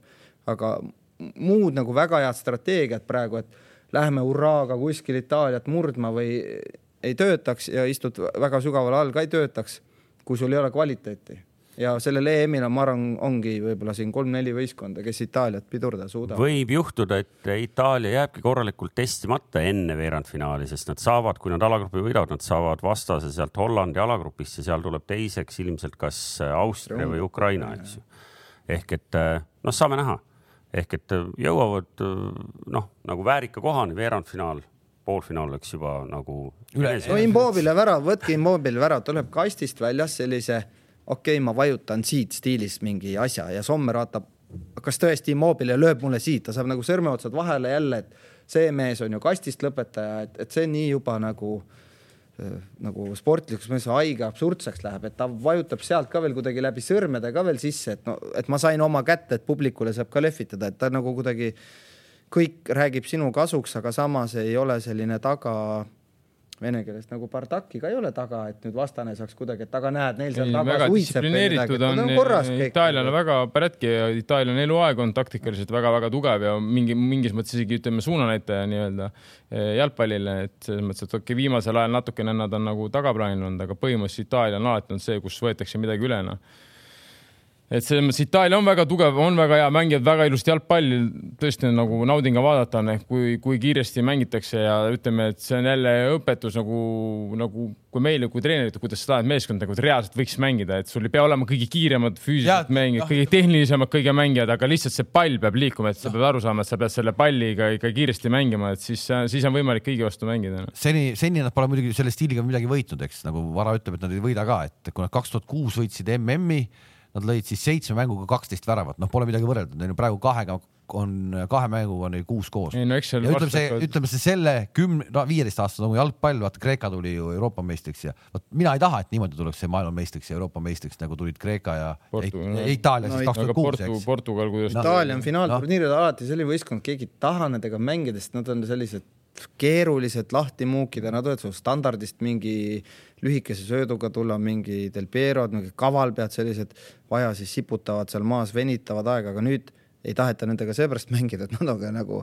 kliiniliselt nagu jube ohtlikud seal teisel no. pool, et ei ole nii, et me läheme nendega no ma ei tea, peavalu, et kuidas neid võita, vaid praegu on peavalu, et kuidas neid nagu pidurdada, et see on kõva relv. ühesõnaga, et ei jääks vale arusaam, ega ma ei ole itaallaste vastu, vaid vastupidi, ehk et vaata Itaal- it,, ilus Itaalia mäng või edukas, noh, on iga suurturniiri jaoks ikkagi nagu lisab nagu väärikust, oled sa nende fänn või mitte, noh, see teeb nagu ainult head ehk et äh, selle positiivse noodi peale, et Donnarumma sai BSG-ga lepingu, mis ilmselt teeb tast veel rikkama mehe, kui ta oli. aa, see on tehtud või?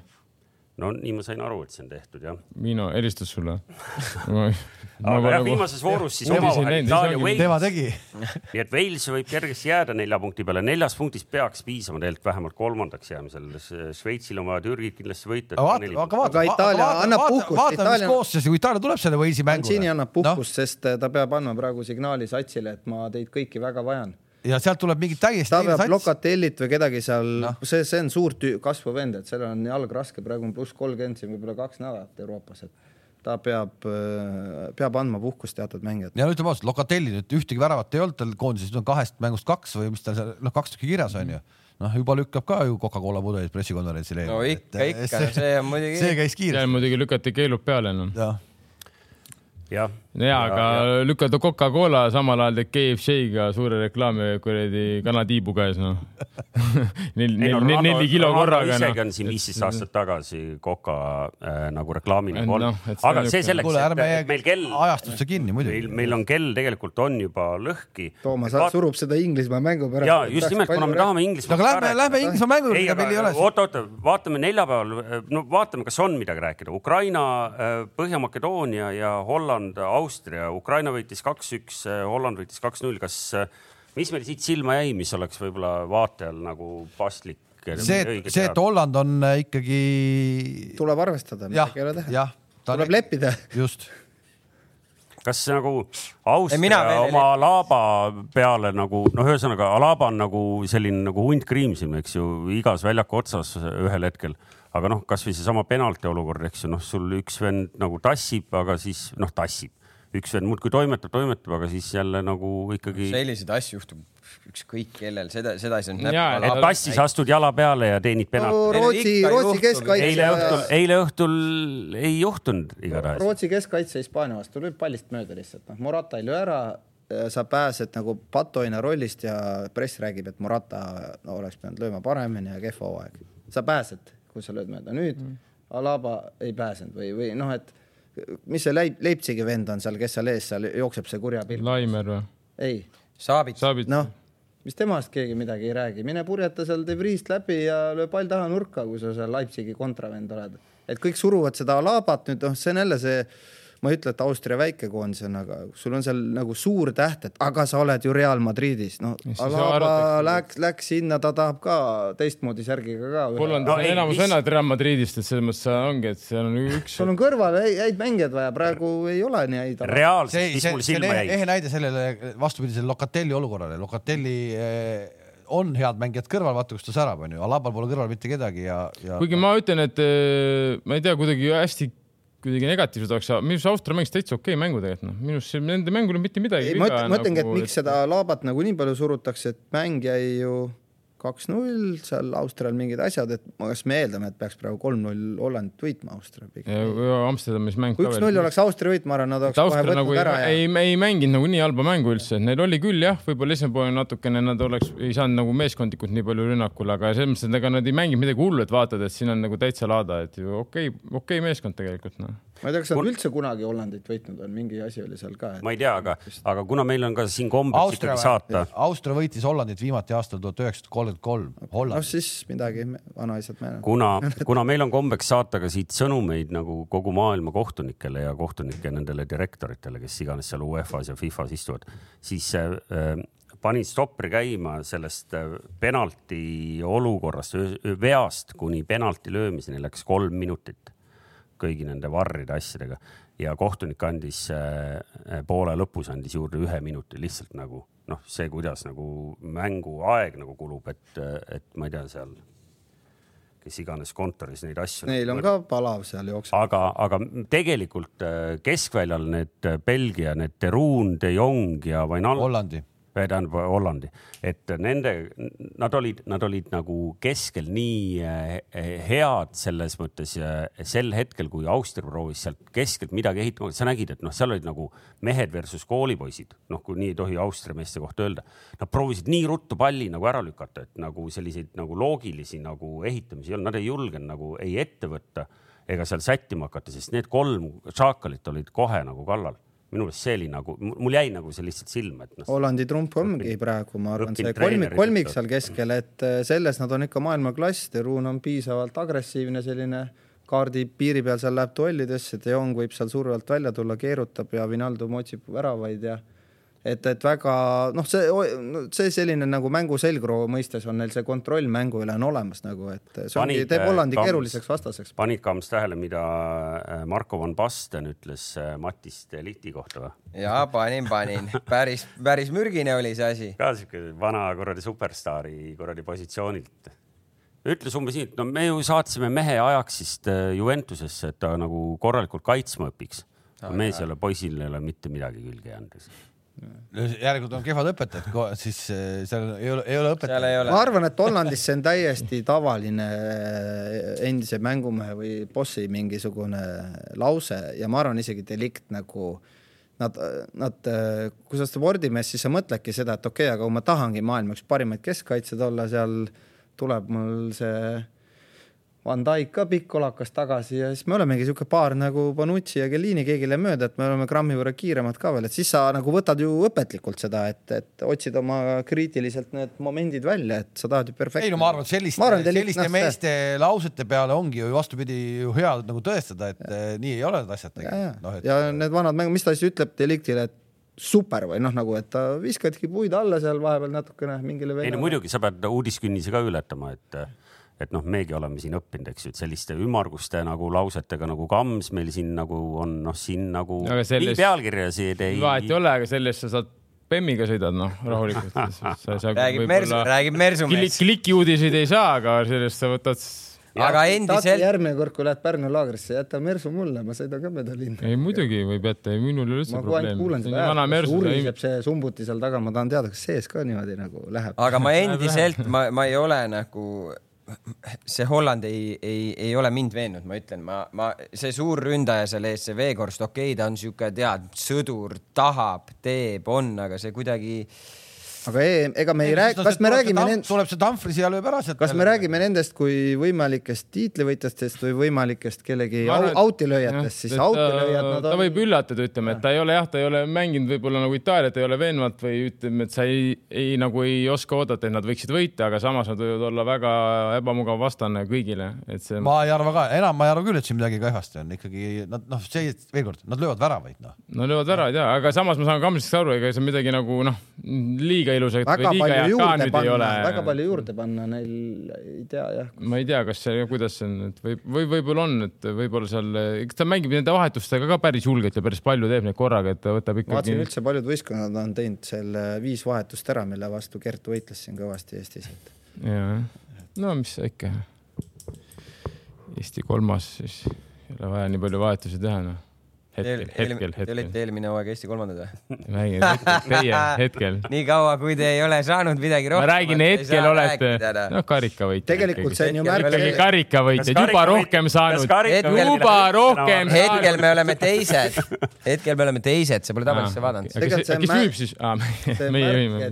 kui koondised teevad nii palju vahetusi, vahet ei ole, kas seal on Guardiola või kes iganes, siis järelikult eh, neid vahetusi on vaja, aga praegu ma enam Gerdi, Gerdi otsuse vastu, noh, ma ei saa. okei okei okay,, selle alagrupi viimases voorus vastamisi Põhja-Makedoonia, Holland ja Ukraina, Austria, seal on alagrupi võitmine on, on endiselt Hollandile muidugi tähtis, sest äh, seda viimast mängu Põhja-Makedoonia noh, oleks ka raske ilmselt ära anda, aga sest seal on nii, et nemad on üks nendest võitjatest, kes saab endale ühe kolmanda koha satsidest vastu järgmises ringis. Põhja-Makedooniast vist väga palju tegelikult ei, ei looda sul ei ole Goran Pandevis see usk? Alioski ütles. Goran Pandev ei suutnud isegi soojendust enne viimast mängu lõpuni teha. mängis küll, eks ju, mängis terve mängu vist oli mm. -hmm et noh, nad ei, julge teda päris välja ka võtta, loodavad, et äkki ta kuskil saab seal varba vahele mingis olukorras, aga. ei no korra sai ka, aga sulu sees küll oli. ilusti muidugi lahendas ära. lahendas lõpu ära ilusti, tegi seda. näitas jah, pangi ära kui tsippi ja. kindla peale noh. Alioski ütles peale mängu, noh, see on selline arvatavasti EM-il ei ole väga kõva valuuta see lause, et me oleks pidanud kohe alguses rohkem ründama, et, et noh, et see on selline, et me oleks pidanud mängima nii nagu, nagu teine poolega mängisime, aga see jalgpallis tegelikult see on selline mõnikord naiivne, et sa noh, ma ei tea, et, et kui sul teine poolega õnnestub sellepärast, et Ukraina juhib juba kaks-null, et sa ei saa ju öelda, et me sa lähed välja ja näed, et vastane kehva, siis sa mängidki nagu teine poolega, võidad kaks-null ise esimese poole ära. aga, aga näha on, et noh, kuidagi äh, noh, see ei ole treeneri suhtes, et treenerit nad seal kõik austavad, aga et, et noh, kujutage ette, et ta selle lausega läheb Hollandi vastu, et noh, et me siis on kohe kiiresti see pidu neil seal läbi mm, -hmm. et et eks neil ongi see esimene see EM-i kogemus ja, ja, ja kes teab, millal nad jälle saavad sinna täpselt samamoodi nagu siin Soomegagi, et ei tea. no siin ju kasvab see kogu aeg, varsti ma arvan, siin mängivad enamus riigid juba EM-il, et see. et, et jah kuule, aga, aga lähme eilsete juurde ka kiirelt, sest. Äh, meil on, teeme selle ikkagi, lähme selle, meil on kell. mingi loosimine tuleb või? ei, loosimist ei tule, meil aga sa mingit koefitsienti ei pea lugema. kus see, kogu aeg tuleb. kus see varas elektriratas on, mis välja loositakse? see, oot, ma jätan selle lõppu, sest et äh, see, siin on. Äh, Ukraina, Ukraina, Austria tuleb, tuleb nagu Taani-Venemaa, tuleb selline kõva andmine. ehk siis Inglismaa ja Šotimaa, et oot, oot, oot, oot. no, noh, mis sa tahad? kõigepealt oli mäng äh, Horvaatia, Tšehhi okay.. tegelikult oli kõigepealt Rootsi. Rootsi ja Slovakkia oli kõigepealt. õige, kas oli seal midagi, mida me tahame üle tšekata Rootsi, Rootsi? Rootsi võitis üks. Rootsi võitis üks-null, noh, see Isak, Isak on hea poiss ja seal oli väike etüüd ka seal, kas äkki BBC-s tuli see küsimus ja, ja. Gary Lineker. Gary Lineker ütles, et ei, ma ei tea. mingi vana, vana see, vana see band, bandi. kes see on? kes see on? vana, mis mingi vana. et ei ole kuulnud. ja siis järgmine lause oli juba, et nagu justkui tegelikult nagu olen kuskilt kuulnud. see on see vana mees sealt stuudiost yeah., midagi niimoodi, kuidagi ei no Rootsi, Slovakkia, seda ma tahan küll öelda, et Rootsi on võtnud välja absoluutse maksimumi, mis nad saavad võtta. Nad on löönud siis kahe mängu peale ühe värava ja hetkel on neil neli, neli punkti, punkti et eh, no väga palju rohkem ei saa, eile oli neil väljakul siis äh, läbi aegade vanuselt teine Noorus. keskmise vanusega. võtad Larssoni ära. ei, vanus, vanus, jah, kolm, kolmkümmend, kolmkümmend seitse koma kolmkümmend aastat, seitsekümmend kaheksa päeva. Larsson ei olnud peale mängu higinegi. paneks sinna peale ikkagi Zlatani ka sinna koondisesse praegu veel, eks võiks ju päris palju ägedaid asju juhtuda. no siis no. ma kardan, see Isak siis nii palju ei oleks säranud. see Isak ei saaks üldse pilti siis. noh, ta istuks pingi peal siis noh. kuigi noh, see Isak ei ole nagu päris nagu puhas. ja et ta ei ole nagu noh, kuna ma vaatan nagu palju jalgpalli ja Hispaania liigat ka, et ta on ikkagi reaalsusse taadis ikkagi ka noh, põhi, põhimees, et selles mõttes ta ei ole nagu minu jaoks mingi sensatsioon, et nagu võib-olla paljude jaoks on see üllatus, see vend. ei no ütleme kaks tuhat ma arvan, et see oli kaks tuhat neliteist, me mängisime Aikiga Rootsis sõpruskohtumist ja, ja siis ta mängis meie vastu. see vend oli nagu, nagu piits peenike vend, piits peenike vend. kaks tuhat neliteist jah? või oli kaks tuhat viisteist, piits peenike oli see vend ja, ja siis temast, siis temast juba räägiti, aga ma ei, ma ütlen, see mäng jäi äkki üks-null, Aik võitis selle mängu või jäi kaks-üks, ma ei mäleta. aga, aga siis nagu ei, ei. ta oli kuueteistaastane ka, ma arvan. see hetk sa ei saanud öelda, et noh, et nüüd ma ei tea, et, et neil oli seesama, neil oli see periood, Strandberg, Karl Strandberg mm -hmm. mängis ka Aikis, nagu see oli sihuke, tead, sihuke tank nagu ja siis see isak seal tiirles tema ümber, et. Äh, Slovakkia, Slovakkia ei teadnud, mis sealt pihta hakata selle Rootsiga, minna lööma või hoida viiki või, või selline kolm punkti käes, selline näed, et äkki Rootsiga rahuldab, aga Rootsil oligi täpselt see veidi võib-olla rohkem seda võitu vaja, et Viik on ka midagi, ei ole veel maailm läbi, et Poola no, saab veel no, praegu said ikkagi jackpot'i no.. praegu said jackpot'i ja, ja mäng oligi selline, et tegelikult kui oleks jäänud üks-üks või null-null, jällegi Rootsi oleks seal natuke võib-olla pettunud, et oleks tahtnud kolmesid saada, aga mängupildi järgi ei saa, neil ei oleks väga hüpata olnud midagi, et Slo-, aga Slovakkia ise ka nagu ei noh, näed, et ei pannud kõike nagu mängu, et seda mängu minna ära võitma aga lõpuks olid ikkagi. kellel ei ole aega Rootsi mänge ja. vaadata, siis ärge muretsege, et eh, vaadake ainult teist poolaega. läbi ajaloo on siis kakskümmend kuus väravat löönud Rootsi Euroopa meistrivõistlustel, kakskümmend kolm on löödud teisel poolel. ehk see on põhimõtteliselt sinu korvpalli vaatamise taktika, vaata viimast viite minutit. enam-vähem ja noh, ma võin Rootsi kohta veel nii palju öelda, et nagu me oleme harjunud mõtlema, et rootslased on sellised nagu, nagu kultuurrahvas ja, ja noh, näitab meile õige mitmes äh, asjas eeskuju, võib-olla võiks jalgpalliski, eks ju, mõnes, äh, mõnes asjas, aga, aga noh, Sebastian äh, Larson jalgpalli IQ-st annab aimu nagu selline asi, et vend hakkas ju rääkima siin hooaja lõpus, et, et Newcastle'i peatreener Steve Bruce on nagu väga hea treener. ja siis ma mõtlesin küll, noh halloo.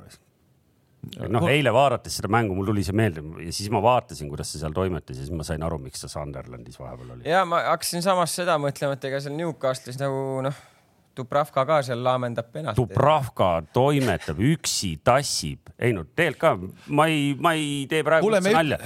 selle turniiri kõige parem värav. on, on. tuleb mingi ülekanne ka nagu Newcastle, siuksest surnuspundist nii palju räägitakse siin saates nagu äh?. sa pead, sa pead, sa, sa, sa pead mingit plekki saama. kuule, vaadake üle eile. Sportlandist saab äh, salle ja kindaid saab miinus kakskümmend. sest see tundub nagu juba ebaloogiline noh et sa isegi läbi Rootsi jõuad ikkagi lõpuks Newcastli juurde, noh. kuule, selge, ühesõnaga äh, lähme siis e e eilsete põhimängude juurde, et, et Horvaatia-Tšehhist tahame ka kiirelt äh, rääkida. kaks minutit on aega, Kalev, sul sellest mängust no Tšehhi, Tšehhi, Tšehhi on äh, äge sats. Tšehhi tahab rohkem. Dejan Lovren, pikalt väljas olnud, toodi sisse, noh, härra ilmselgelt on positsiooniga mees meeskonnas, eks ju, riietusruumis eriti. Aga noh, nagu mehe nagu positsiooni näitab see, et mis oli umbes kümnendal minutil trahvilöök sealt mingi kahekümne pealt. kes lööma läheb? noh, aga kes siis pidi minema? kes pidi minema? kes, kes lööb?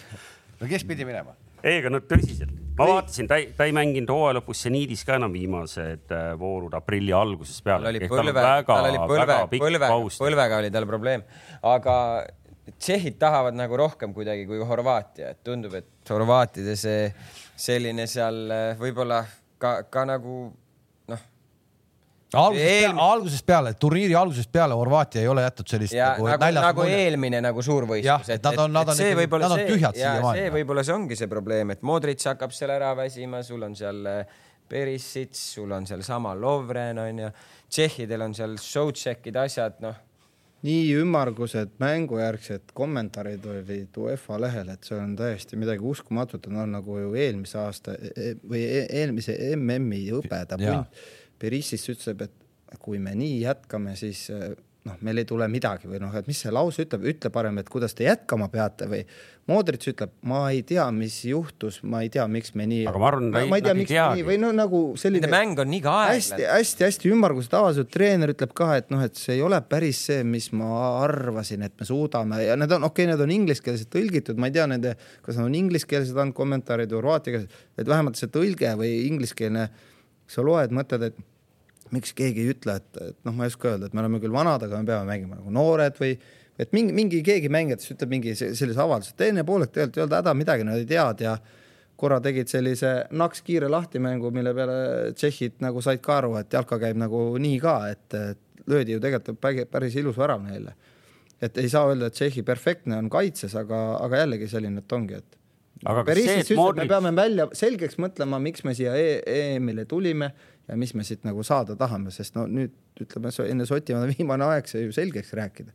ma olen see, see kindel, et need vennad istuvad kuskil üks õhtu maha õhtusöögi järel, kas treeneritega või ilma, joovad natuke võib-olla õlut, lõgastuvad ja lepivadki kokku, et kuulge, et tahame, kas me tahame pingutada või läheme naistega kuskile sinna mere äärde puhkama. kas see, et Modric nii madalal väljakul mängib, kas see on nagu, nad on sunnitud, ta on sunnitud sinna või see on nendel mingi taktikaline valik? tead, selle kohta on üks huvitav äh, mingi treenerite maailmas üks selline teooria, et, et see on selline kuulus lause, et hoiame palli. mängijad ütlevad, lähme hoiame palli, et väljas on palav ja niimoodi, aga siis sa lähed sinna kaitseliini ette lükkad söödu tagasi, keerad, aga sinna alati vastane pressima ei tule sind, kui, kui nad ei taha, ma ei tea, võita mängu ja Tšehhi ka nagu passis sellega seal no mis sa siis tuled, korjad palli, lükkad jälle, tunnetus on ja hoiame, pall on meie käes, tsehhid seisavad, midagi ei juhtu. aga kui sa kümme-viisteist meetrit kõrgemal nagu duellist lahti hüppad ja suudad mängija pealt maha keerata seal ja, ja, ja teravalt läbi murda, siis läheb see mängutempo kiireks. aga praegu ma ei saagi aru, et kas see on selline, et Modric käib seal all, sest ta ei jaksa seal rapsida nende kontrollivate poolikutega, kes teda seal hakivad. ei tule kaugele järgi, seal on hea, seal on natuke palli, aga ma ei, mis see siis nagu noh ja nende mängus ei ole nagu tempot on, nagu ka, et nad nagu liiga kuidagi. flegmad on. aga nad on võimelised, kõige, kõige huvitavam ongi see, et tegelikult nad on nagu võimelised. aga kas on?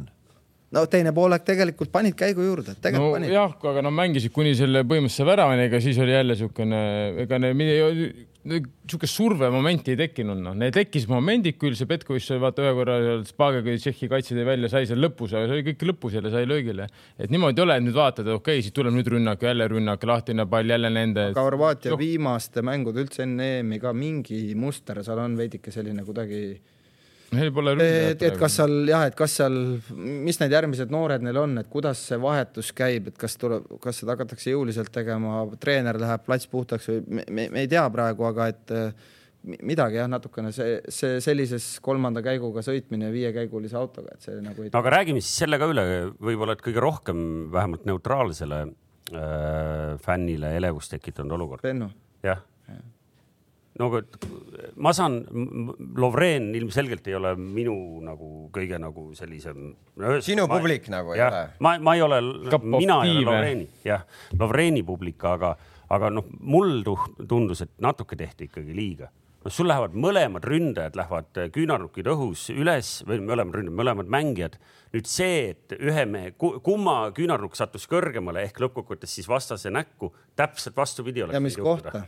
Mis kohta ka, et kui see tšikk oleks võib-olla seal kuhugi lõuapiirkonda või kaela või saanud selle löögiliigutuse, noh, et mida sa jääd sinna maha, et ma ei tea, lööd hing kinni või mm. otsid, nad otsivad vahepeal seda verd, vaatavad, kurat, noh, ta jääb juba maha võib-olla sellepärast, et seda lahmaski seal, et ma tahan ruttu arstiabi saada, mis ma jooksen selle verise ninaga seal ringi, jään maha.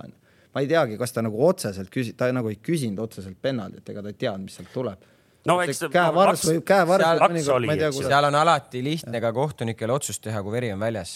lihtsam. ma ütlengi, by the book muidugi penalti, aga nüüd nagu puhtalt nagu mänguolukorras, noh, me kõik teame, sa nägid, Lovren ju käis seal nagu küsimas, et noh, kuidas need üles hüpped, me oleme seda nagu varem näinud ju sadu kordi, kuidas õhuvõitlus on, sa ei saagi hüpata anatoomiliselt, sul on väga raske hüpata üles, käed püksitaskus, eks ju, samal ajal. no sellel hetkel, kui sa peaga palli kastist välja tahad lüüa, teed oma selle kõhulihase või küljelihastega selle nagu kehalise pingutuse, sul nagu see refleks see kätega, see nagu rindkera avamise nõks mingi käib läbi sealt.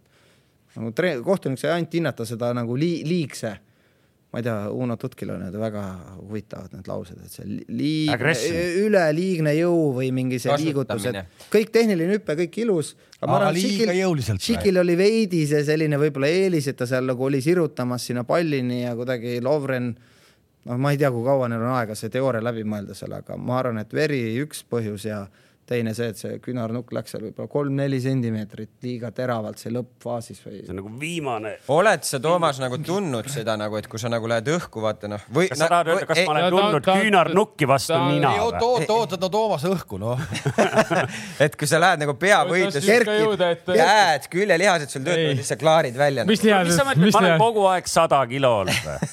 ta ei ole ka kunagi kahekümne viie. ta ei ole küll tundnud, kuidas kerkides äh, nina puruks lüüakse, aga ta on ta on, ei, ta, ta on tundnud, kuidas lihtsalt paljalt tõljudes palli peale MM-as on väga palju erinevaid stiile. aga Šik hästi lõi, et tal olid seal need need kuubikud, mis seal ninas olid, ega vaevu pidasid. see, ma mõtlengi, kuidas ta mängis tükk aega see kuubiku mõttes, see hingata ju normaalselt, sul on ju nagu üks, ühe nagu üks, üks klapp lükatakse kinni. Nagu... no jaa, Taki, sa oled niimoodi mänginud ka ise, et sul üks jalg ei jookse korralikult, ikka mängid. ei, ma saan aru, ja, ja see, ega see, aga lihtsalt, et noh, sellisel tasemel nagu, et ei no muidugi see nii korraks, et see ei sega. tal oli adrekas üle, ta tahtis selle koti, koti ära lüüa. nii, aga aga ongi see hetk käes, eile õhtu kõige viimane mäng äh, Wembley'l, Inglismaa, Šotimaa, eks ju, ärme hakka siin neid ajaloolisi lugusid rääkima, et kui vana see kuradi ajalugu on ja kõik need muud jutud.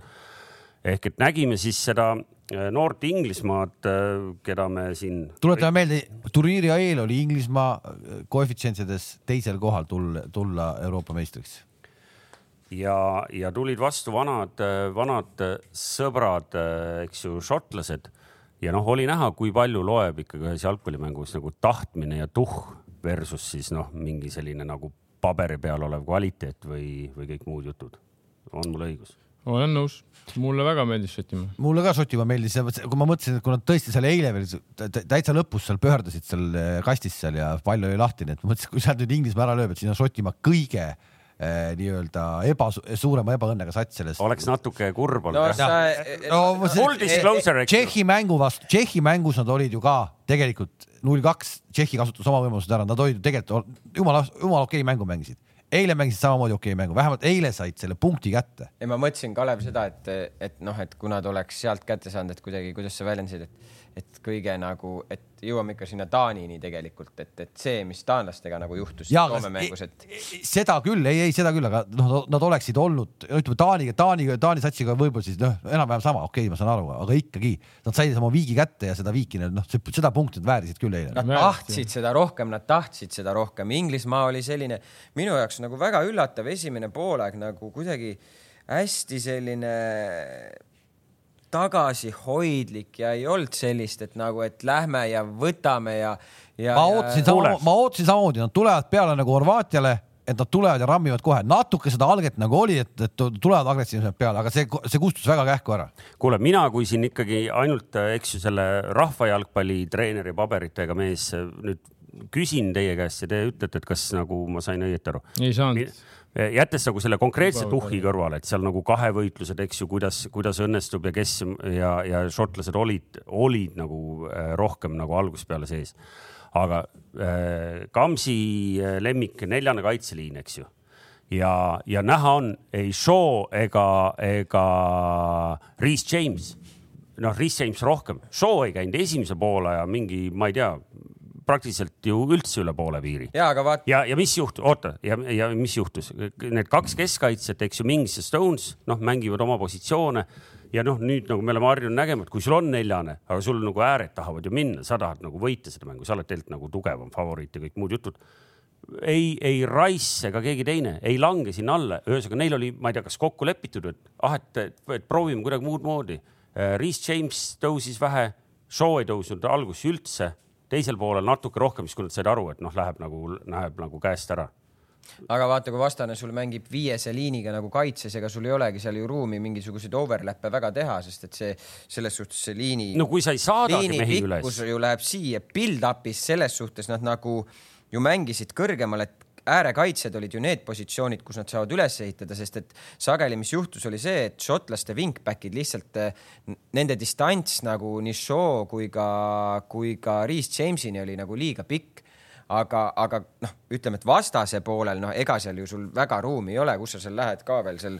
no mina inimese fännina et..., ma olin lihtsalt nagu pettunud, ma, ma nagu eeldasin, et need ka, kaks äärt, kes iganes nad parajasti on et..., ma ootan Ben Chilwelli endiselt et noh, nad ikkagi käivad seal nagu ülemise kolmandiku peal toimetavad. aga see mäng puudub. ma mõtlesin, et Vara nagu saabki, saabki kehvemini aru, aga tundub, et ta nagu noh, sai pihta ja ma olen selles mõttes, ma olen Varaga nõus, et et noh, kui sa ju ei saada vändasi sinna, siis sa nagu, see ei saagi, see distants ei saagi lühemaks minna. kui sul ikkagi on ruum, siis sa pead saatma venna üles, see tähendab seda, et ta peab kellegi ära siduma, siis peab hakkama keegi kuskilt välja liikuma. kui sa jätad ju pikad distantsid, sa jätad ühe venna sinna ette, siis seda üks vend on savi, kes seda kontrollib, noh. kui sa viid sinna teise ette siis sa juba pead hakkama kuskilt, pead hakkama jälle välja tulema, et eh, väga hambutu rünnak inglastelt ja tegelikult no.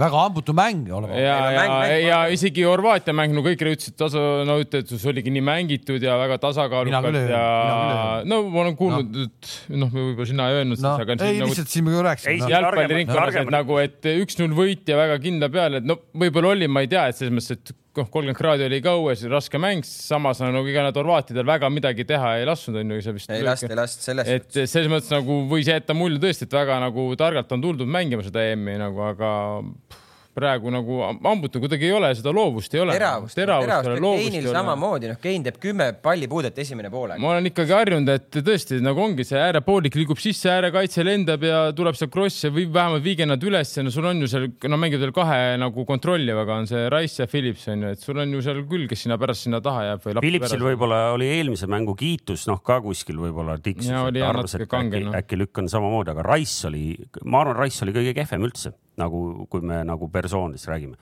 Keini sa eelmine kord kaitsesid, kui ma ütlesin, et Kein oli kehva, noh, seekord oli ta veel kehvem, siis sa ütlesid, et noh, vaata, kui palju nagu pallite tööd, avab teistele tsoone ja nii nagu noh, mis sa eilse kohta ütled, minu meelest oli nagu no üldse ei leitud teda üles ja ma ei, ei saanud aru. leitudki, aga kas asi on siis Keinis või asi on milleski muus, nagu see on ka küsimus. Kein, noh praegu Šotimaa mängib viiese kaitseliiniga, mida nad tegid tegelikult väga hästi nagu selles suhtes, et nad panid selle väljaku keskmise osa ikkagi üpriski nagu kinni.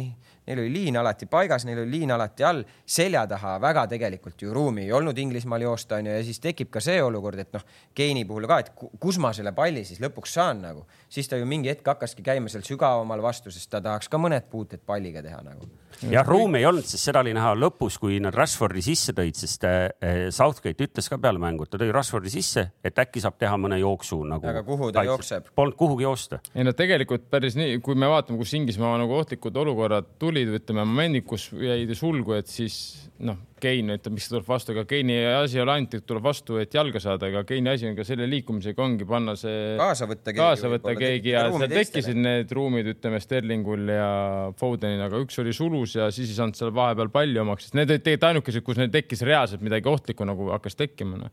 aga, aga, aga mida me ei näe minu arust on nagu see, et sellises mängus, kus vastane kaitseb suhteliselt madalalt, siis mina nagu ootaksingi seda, et võib-olla no ma tõesti ei tea, pane see Kriilis siis sinna. tooda varem sisse kaua sa ootad. kuule seda et..., seda eile seda, seda tulemist, mulle tundus, et ta vanaema on režissöör, no seda hakati näitama põhimõtteliselt sellest. muidugi kõik said aru, kõik said aru, et on vaja. ja, ja, ja no. miks on vaja, ongi selleks vaja, et keegi peab kuskil kellelegi üks-üks ära tegema, siis hakkab midagi juhtuma. me ei näinud ju eile palju seda, et Sterling või Foden oleks seal viimasel kolmandikul, teeme üks-ühele ära, siis hakkavad ruumid tekkima, seda ei olnud no,. Aga... seal oli paar korda mingid momendid, kus seal show mängiti ühe korra seal mingi seinaga läbi, ta pani sealt selle.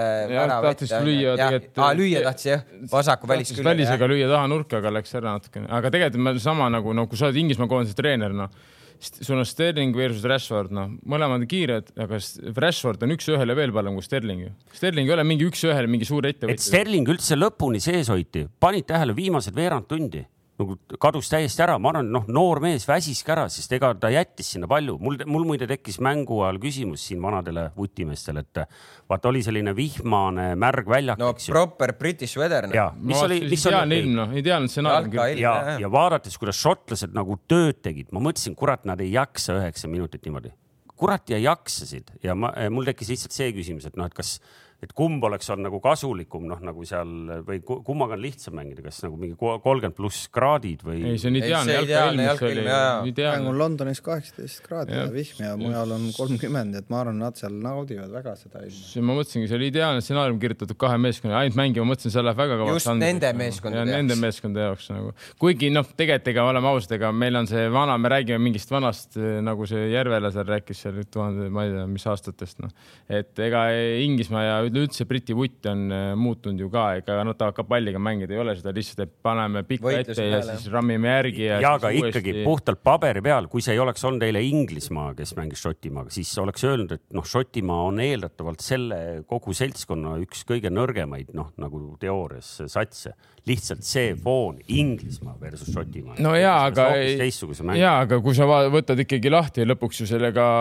Šotimaa meeskonna nagu algkoosseisu ja üleüldse koosseisu, ega siis sa näed seal ikkagist enamus on ju kõrg, Inglismaa kõrgliiga vennad või siis vähemalt on Celtic või Rangers. ja ei, me, me võiks kiita küll paari venda. Billy Gilmur äh, esimest korda algkoosseisus minu meelest kõige sümpaatsem lause, mida ma peale mängu nägin, ma ei mäleta, kes nendest, noh, nagu ikka seal kõik legendid kormi võtavad sõna, aga kõlas umbes nii et noh, järgmised kümme aastat see vend peaks olema Šotimaa, eks ju, kõikides algkoosseisudes. Noh, kui ta niimoodi mängib, et selles mõttes äh,. Andy Robertson. seal on need laused tekkima ikka jube. ei, ei, aga noh, ta oli, ta oli, ta oli hea. ei, see on see, see, see on Southgate'i, Southgate'i ülistamine selle ühe nulli järel, et kuuskümmend viis miljonit oleks teinud teistmoodi, aga näed, ta tegi niimoodi. said ühe, said selle ühe õnnetu värava kätte. nüüd on see null-null, nüüd ma kujutan ette, täna on juba niimoodi, et. oi-oi, seal käis selline tampimine. ma räägin, noh, et see nagu täitsa naljakas. Inglismaa usaldab. aga mingi peal, kõige säravam asi, Southgate'i vihmamantel. Ikkagi šotlasi ka, äh, lisaks Gilmore'ile, eks ju, Andy Robertson, me teame, kvaliteetne vend, toodi tagasi see Arsenali kaitsja. Tierney. Oli väga hea, kohe noh, et sa mõtlesid, et okei okay,, et, et eelmist mängu ta... räägiti, et noh, et oleks see vend ka oleks palju parem, mõtled noh, nagu ikka räägiti. ja ta alustas, Che Adams alustas minu arust, mis andis nagu šotlaste mängule hoopis teistsuguse iseloomuna. just, ma arvan, et me mainisime ära, et, et see, et ta tõi Che Adamsi esimeses mängus alles kuskil teise poole seal lõpus sisse, et see oli tegelikult viga, ta seda, sai sellest ise aru. ta kuulis seda Betsafe saadet ja võib-olla küll lükkas, et. Nende, nagu hüppan sinna minevikku ka, et kui te mõnikord nendest mängijatest räägite, on seal Champions League'i mäng või, või koondiste mängud, midagi, kui keegi mängija ei alusta ja tema kohta ei tule välja uudist, et ta on vigastatud, see ei tähenda seda, et treener ei taha teda panna, et seal võib olla mingi, mingi lugu, mida me ei tea ja seda lihtsalt ei anda, ei anta meediale välja, mingi kehva enesetunne, mis iganes, midagi seal ei klapi, vorm ei ole hea, hoiame teiseks mänguks, me ei tea kunagi. Ja treenerid tavaliselt ei taha mõnikord nende avaldustega välja tulla, sest seda soga ja küsimusi tekib nii palju, siis ei mänginud, keegi ütles, ei mänginud, no ei mänginud praegu või noh, ja kõik sa jahutad selle meedia maha. nüüd ta tuli teine mäng ja mõnikord me mõtleme, aga miks ta esimene mäng ei mänginud või kuidagi, et vaat siis ta oleks kütnud ja pannud. no Inglismaal on ju see no. ka veel, et kui sa teed veel noh, teed mingi statement'i, ütled miks, ütled ühe vale lause, siis sul on jokk ka korras, siis see keeratakse, see võimendatakse, siis see mängija võib solvuda ja siis seal mängija naine solvub. mängijale öeldakse, et sa oleks pidanud ju esimene mäng kohe ütlema, ta ütleb, et treener decision, mis treener decision, et mine ütle, et mängisid ju nagu kuul kulda praegu, eks ole, aga et samas äh, ju tänu sellele, et see treener nüüd siis teises mängus usaldas sind, pani hea taktika, on jällegi ju treener ju mingis mõttes aitab sind, oleks ju nüüd teise mängu ka vahetuses olnud, keegi saaks üldse mingit lugu rääkidagi.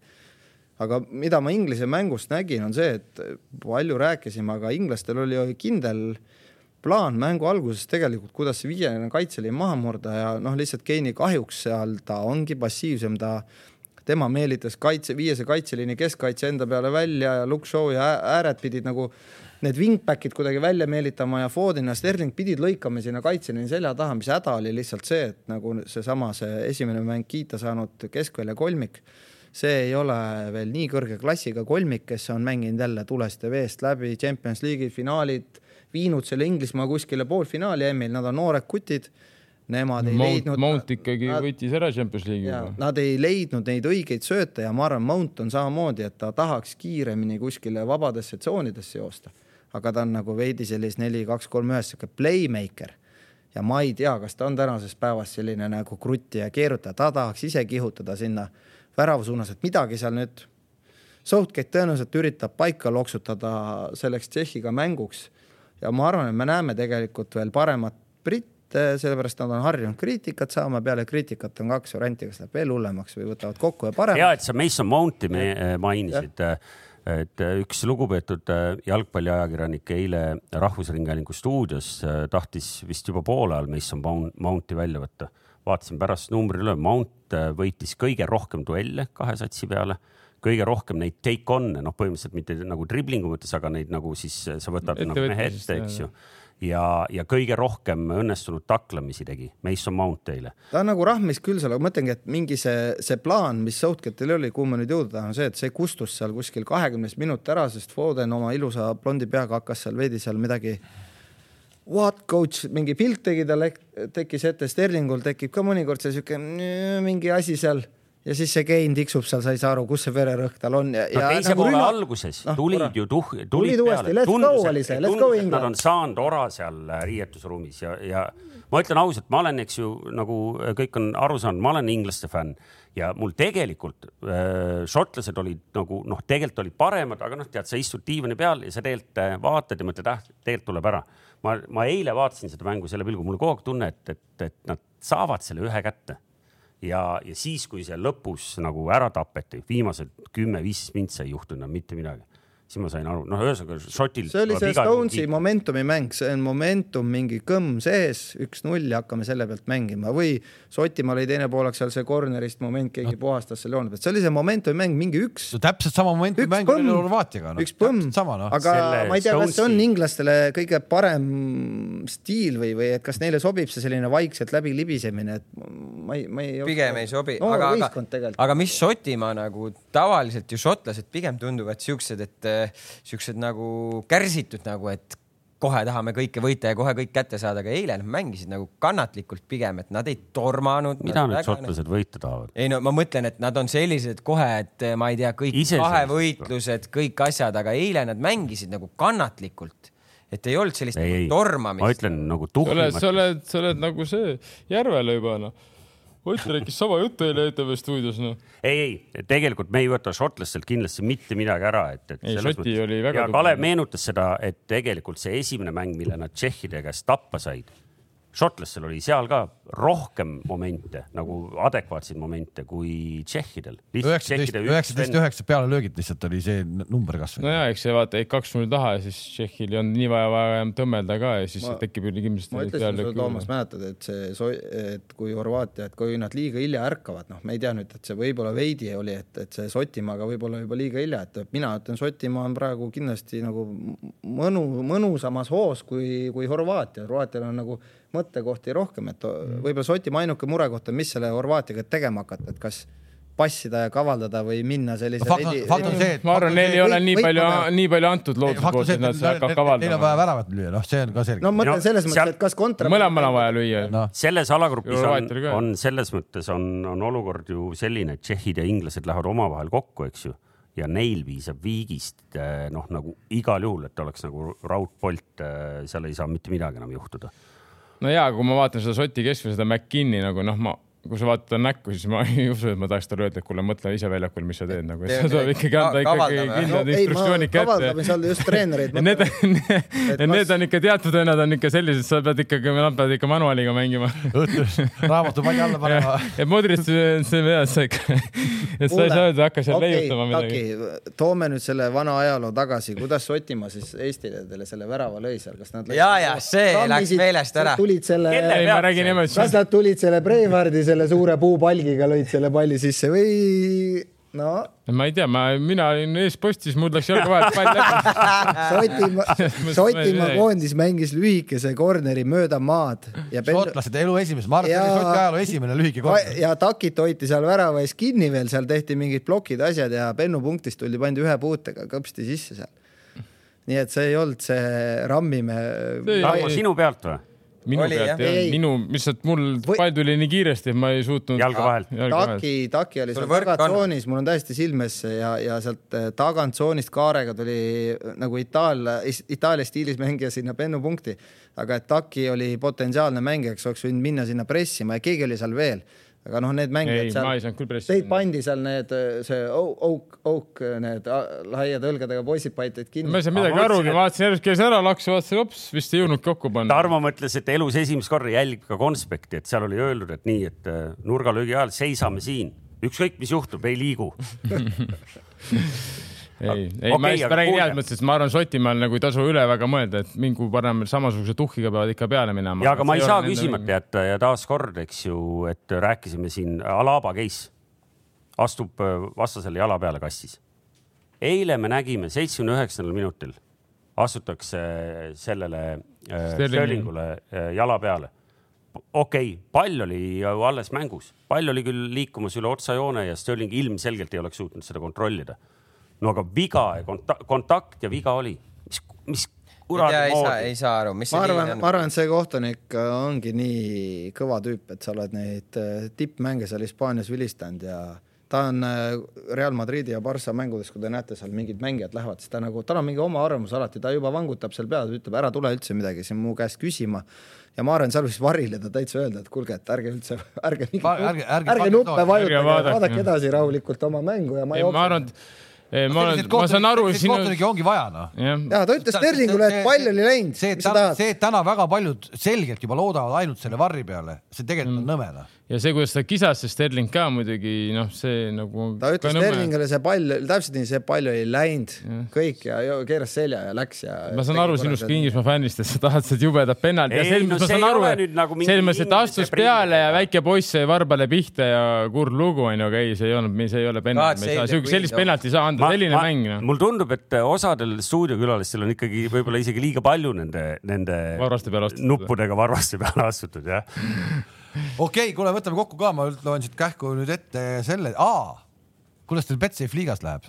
Oled... Ma olen tõusnud. nii, kus sa oled siis no.? seal on, seal on nüüd üle tuhande mängija jätkuvalt, minge siis betsafeliiga.ee, sinna võib jätkuvalt minna, ma usun, et. julgelt võib minna, sest on, on, on, on väga reaalne mind igatahes kätte saada. ja vara, vara tuleb kohe selge ees vastu sealt oma kolmekümne punktiga. aga seal on äh, praegu vist liidritel mingi alla kolmesaja punkti ja punkte saab päevas seal mingi viis, viiskümmend võib saada, kuuskümmend, nii et tegelikult äh, jõuab järgi küll. betsafeliiga.ee, tuletame meelde, et esikoht saab elektritõukeratta Äh, teine Oot. koht saab televiisori, kolmas koht saab siis äh, mingid kõlarid, mis on väga vägevad kaasaskantavad. tänapäeval ma näen noori äh, spordiväljakutel, kõigil on need kõlarid kaasas, kõik kuulavad mingit hip-hopi, päris moodsaks on see asi läinud. mul enne kõlarid ei ole, ma ei saa ka, sest kolmandale kohale ma ei jõua. ma olen hetkel tegelikult. no sa võib-olla tuled teiseks ja saad televiisorisse ja võib-olla ja ma olen tegelikult, ma vaatasin üks päev, et ma olen ikkagi esimese poole sees, ma olin kolmesaja kolmekümne esimene mingi hetke aga enam ma ei tea, ma täna pole vaadanud, nüüd ma võib-olla kukkusin jälle. aga see ratas, mis see noh, elektriratas täiesti, see Toomas oma. seda ei pea, seda ei pea tõukama. seda ei pea tõukama, see vajutad nuppu ja seda ainult sisiseb. ma olen viiesaja kaheksakümne teisel kohal. viissada kaheksakümmend kaks või? ma olin vist kolmsada kolmkümmend millegiga. no lihtne, mul on sada kolmkümmend punni juba. mul eile, mul oli eile see sada seitsekümmend nii et. Äh, liidril on kolmsada kolmkümmend, nii et siin on nagu selge ees hakkavad nüüd tulema nüüd, kui otsustavad mängud. aga Toomas, äkki sa, ma ei tea, kuidas sul mäluga on, ütle üks mingi hästi lihtne küsimus, millele sa valesti vastasid seal. tead, siis peaks seda kuidagi minema siit tagantjärgi vaatama. ei no sa hästi lihtne, hästi lihtne. no järgmises saates näiteks. ma ütlen, ma ütlen ise ära no., Inglismaa võidab Šotimaad no, oli selline küsimus. kindlasti oli, oli, oli muidugi oli. see oli tegelikult raske küsimus. ja, aga no ma ei taha vastu ka nagu see on põhimõtteliselt põhimõtteliselt nagu selline nagu panustamise nii-öelda. ma mõtlesin, seal peab mingi seis ja asju panema. peabki, peab. seal on erinevad väravate arv ja tegelikult on tipp-topp. null-null oli ette, mingil poolajal. Toomas, noh, null-null ette kirjutatud. mitu nurgalööki seal blablabla bla, bla. Kams mängib ka või? see ei ole nagu panustamine raha eest, seal, see põhimõtteliselt on siuke nagu. tore ennustamine. Kams ei tohi rääkida äkki, direktori koha peal äkki ei tohi öelda jaa ei, ma ei ole, mina ei ole jõudnud veel sinna. kuule, aga ma räägin nüüd eh, nendest superkoefitsientidest ka, uue kliendi pakkumine, Hispaania alistab Poola koefitsient on kolmkümmend viis, noh, tundub, et jälle vedeleb maas, üks euro saab teha siis panuse, ühe eurose panuse. Eh, see on uue kliendi pakkumine ja ma ütlen siis ühe veel. Eh, Hispaania, Saksamaa ja Itaalia võidavad. koefitsient on kümme, see on kõikidele klientidele ja maksimumpanus on viis. Hispaania, Saksamaa ja Itaalia võtavad oma järgmistes mängudes võidu, koefitsient kümme täna õhtul kell seitse siis. noh, hakkab juba tulema. Portugal, Saksamaa. väga hea mäng. Saksamaa on juba raske Betsafe.ee lehel on kõik koefitsiendid olemas, seal on eraldi euro kaks, kaks tuhat kakskümmend lehekülge, kust saate siis kõiki neid jutte näha. aga see Betsafe liiga, võtke ette, kes veel ettunud ei ole, seal oli, ma ükspäev vaatasin, üle tuhande osaleja oli juba, nii et see on päris paras ports inimesi ja kui sa ikka tuled seal võitjaks üle tuhande osaleja seas, siis noh, oled ikka ju tubli. ei, siis sa oled mängumees. mängumees on ju. nagu Toomas. siis saad äh, Paides lepingu ei, praegu ma käin Levadiasse keskkaitset nii et see, kes võidab, siis boonusena saab. Elektri, saad elektrirattaga trenni tulla. saab elektrirattaga trenni tulla. aga Taki käest võiks ka korra küsida, kas ta, kuidas neil selle Gibraltariga on, kas tema saadetakse skautima sinna? noh, kui sa juba oled siin. ei, see ju meil vastas ära juba, seda ju skauditi juba eelmine aasta. seal vahetub ühe hooaega kakskümmend uut inglast ja neliteist mm. uut hispaanlast. ma arvan, et meil keegi sinna skautima ei lähe, ma arvan, et me võtame mängud ja vaatame, ma arvan, et me ei lähe keegi, aga mind kindlasti ei saadeta skautima, ma arvan. ma pean siin poisse ravima kuule, aga linna peal mingid äh, linnud siristavad äh, seal, kui hakkad sinna Reidi tee poole minema, et äh, mingi uus serblane ei tulnud treenerite staffi, et kaua võib nagu et...? veel üks või? oi jumal no,, kaua võib, mõned lahkuvad, mõned tulevad. selles mõttes, et no, seal, seal tehti vahetus lihtsalt, et muudab see sind ka natuke mõnikord ettevaatlikuks, et varsti on äkki? ei, ega minu Aanus on kogu aeg pinges kergelt, et selles mõttes et trennis peab pingutama kogu aeg väravaid lööma. et siin nii kui ikkagi lased ikkagist. Äh, saad sa täpsustada või? korgi eest ära. hommikul hiljaks jääda ei tohi kogunemisele. võib ikkagi keegi jah et see, see peab alati, eks see treeneri töö ongi selline. eks see on terves elus nii. jah, see on terves, eks see on igal pool nii, et eks sa pead igal ajal valmis. Žižni Raslavitsa nilja nagu. et ega me vaseliini potiga ringi käi, et kui tullakse, tullakse toored sisse. nii, aga selle positiivse, selle positiivse noodi peal ongi paslik täna otsad kokku tõmmata. teisipäeva hommikul oleme uuesti eetris. kell üheksa, teisipäeva hommikul kell üheksa ja siis on juba ikkagi väga palju teada ka, kes, kes kellega, kus moodi, kes kuhu. ja siis vaatame täpsemalt just, et, et kuidas nüüd need, ähm, see turniir edasi peale alagrupi mänge minema hakkab, aga, aga sinna on siis ikkagi veel terve rida mänge minna. nautige suve ilusaid ilmasid, inimesed. vot selline üleskutse ka veel. head nägemist.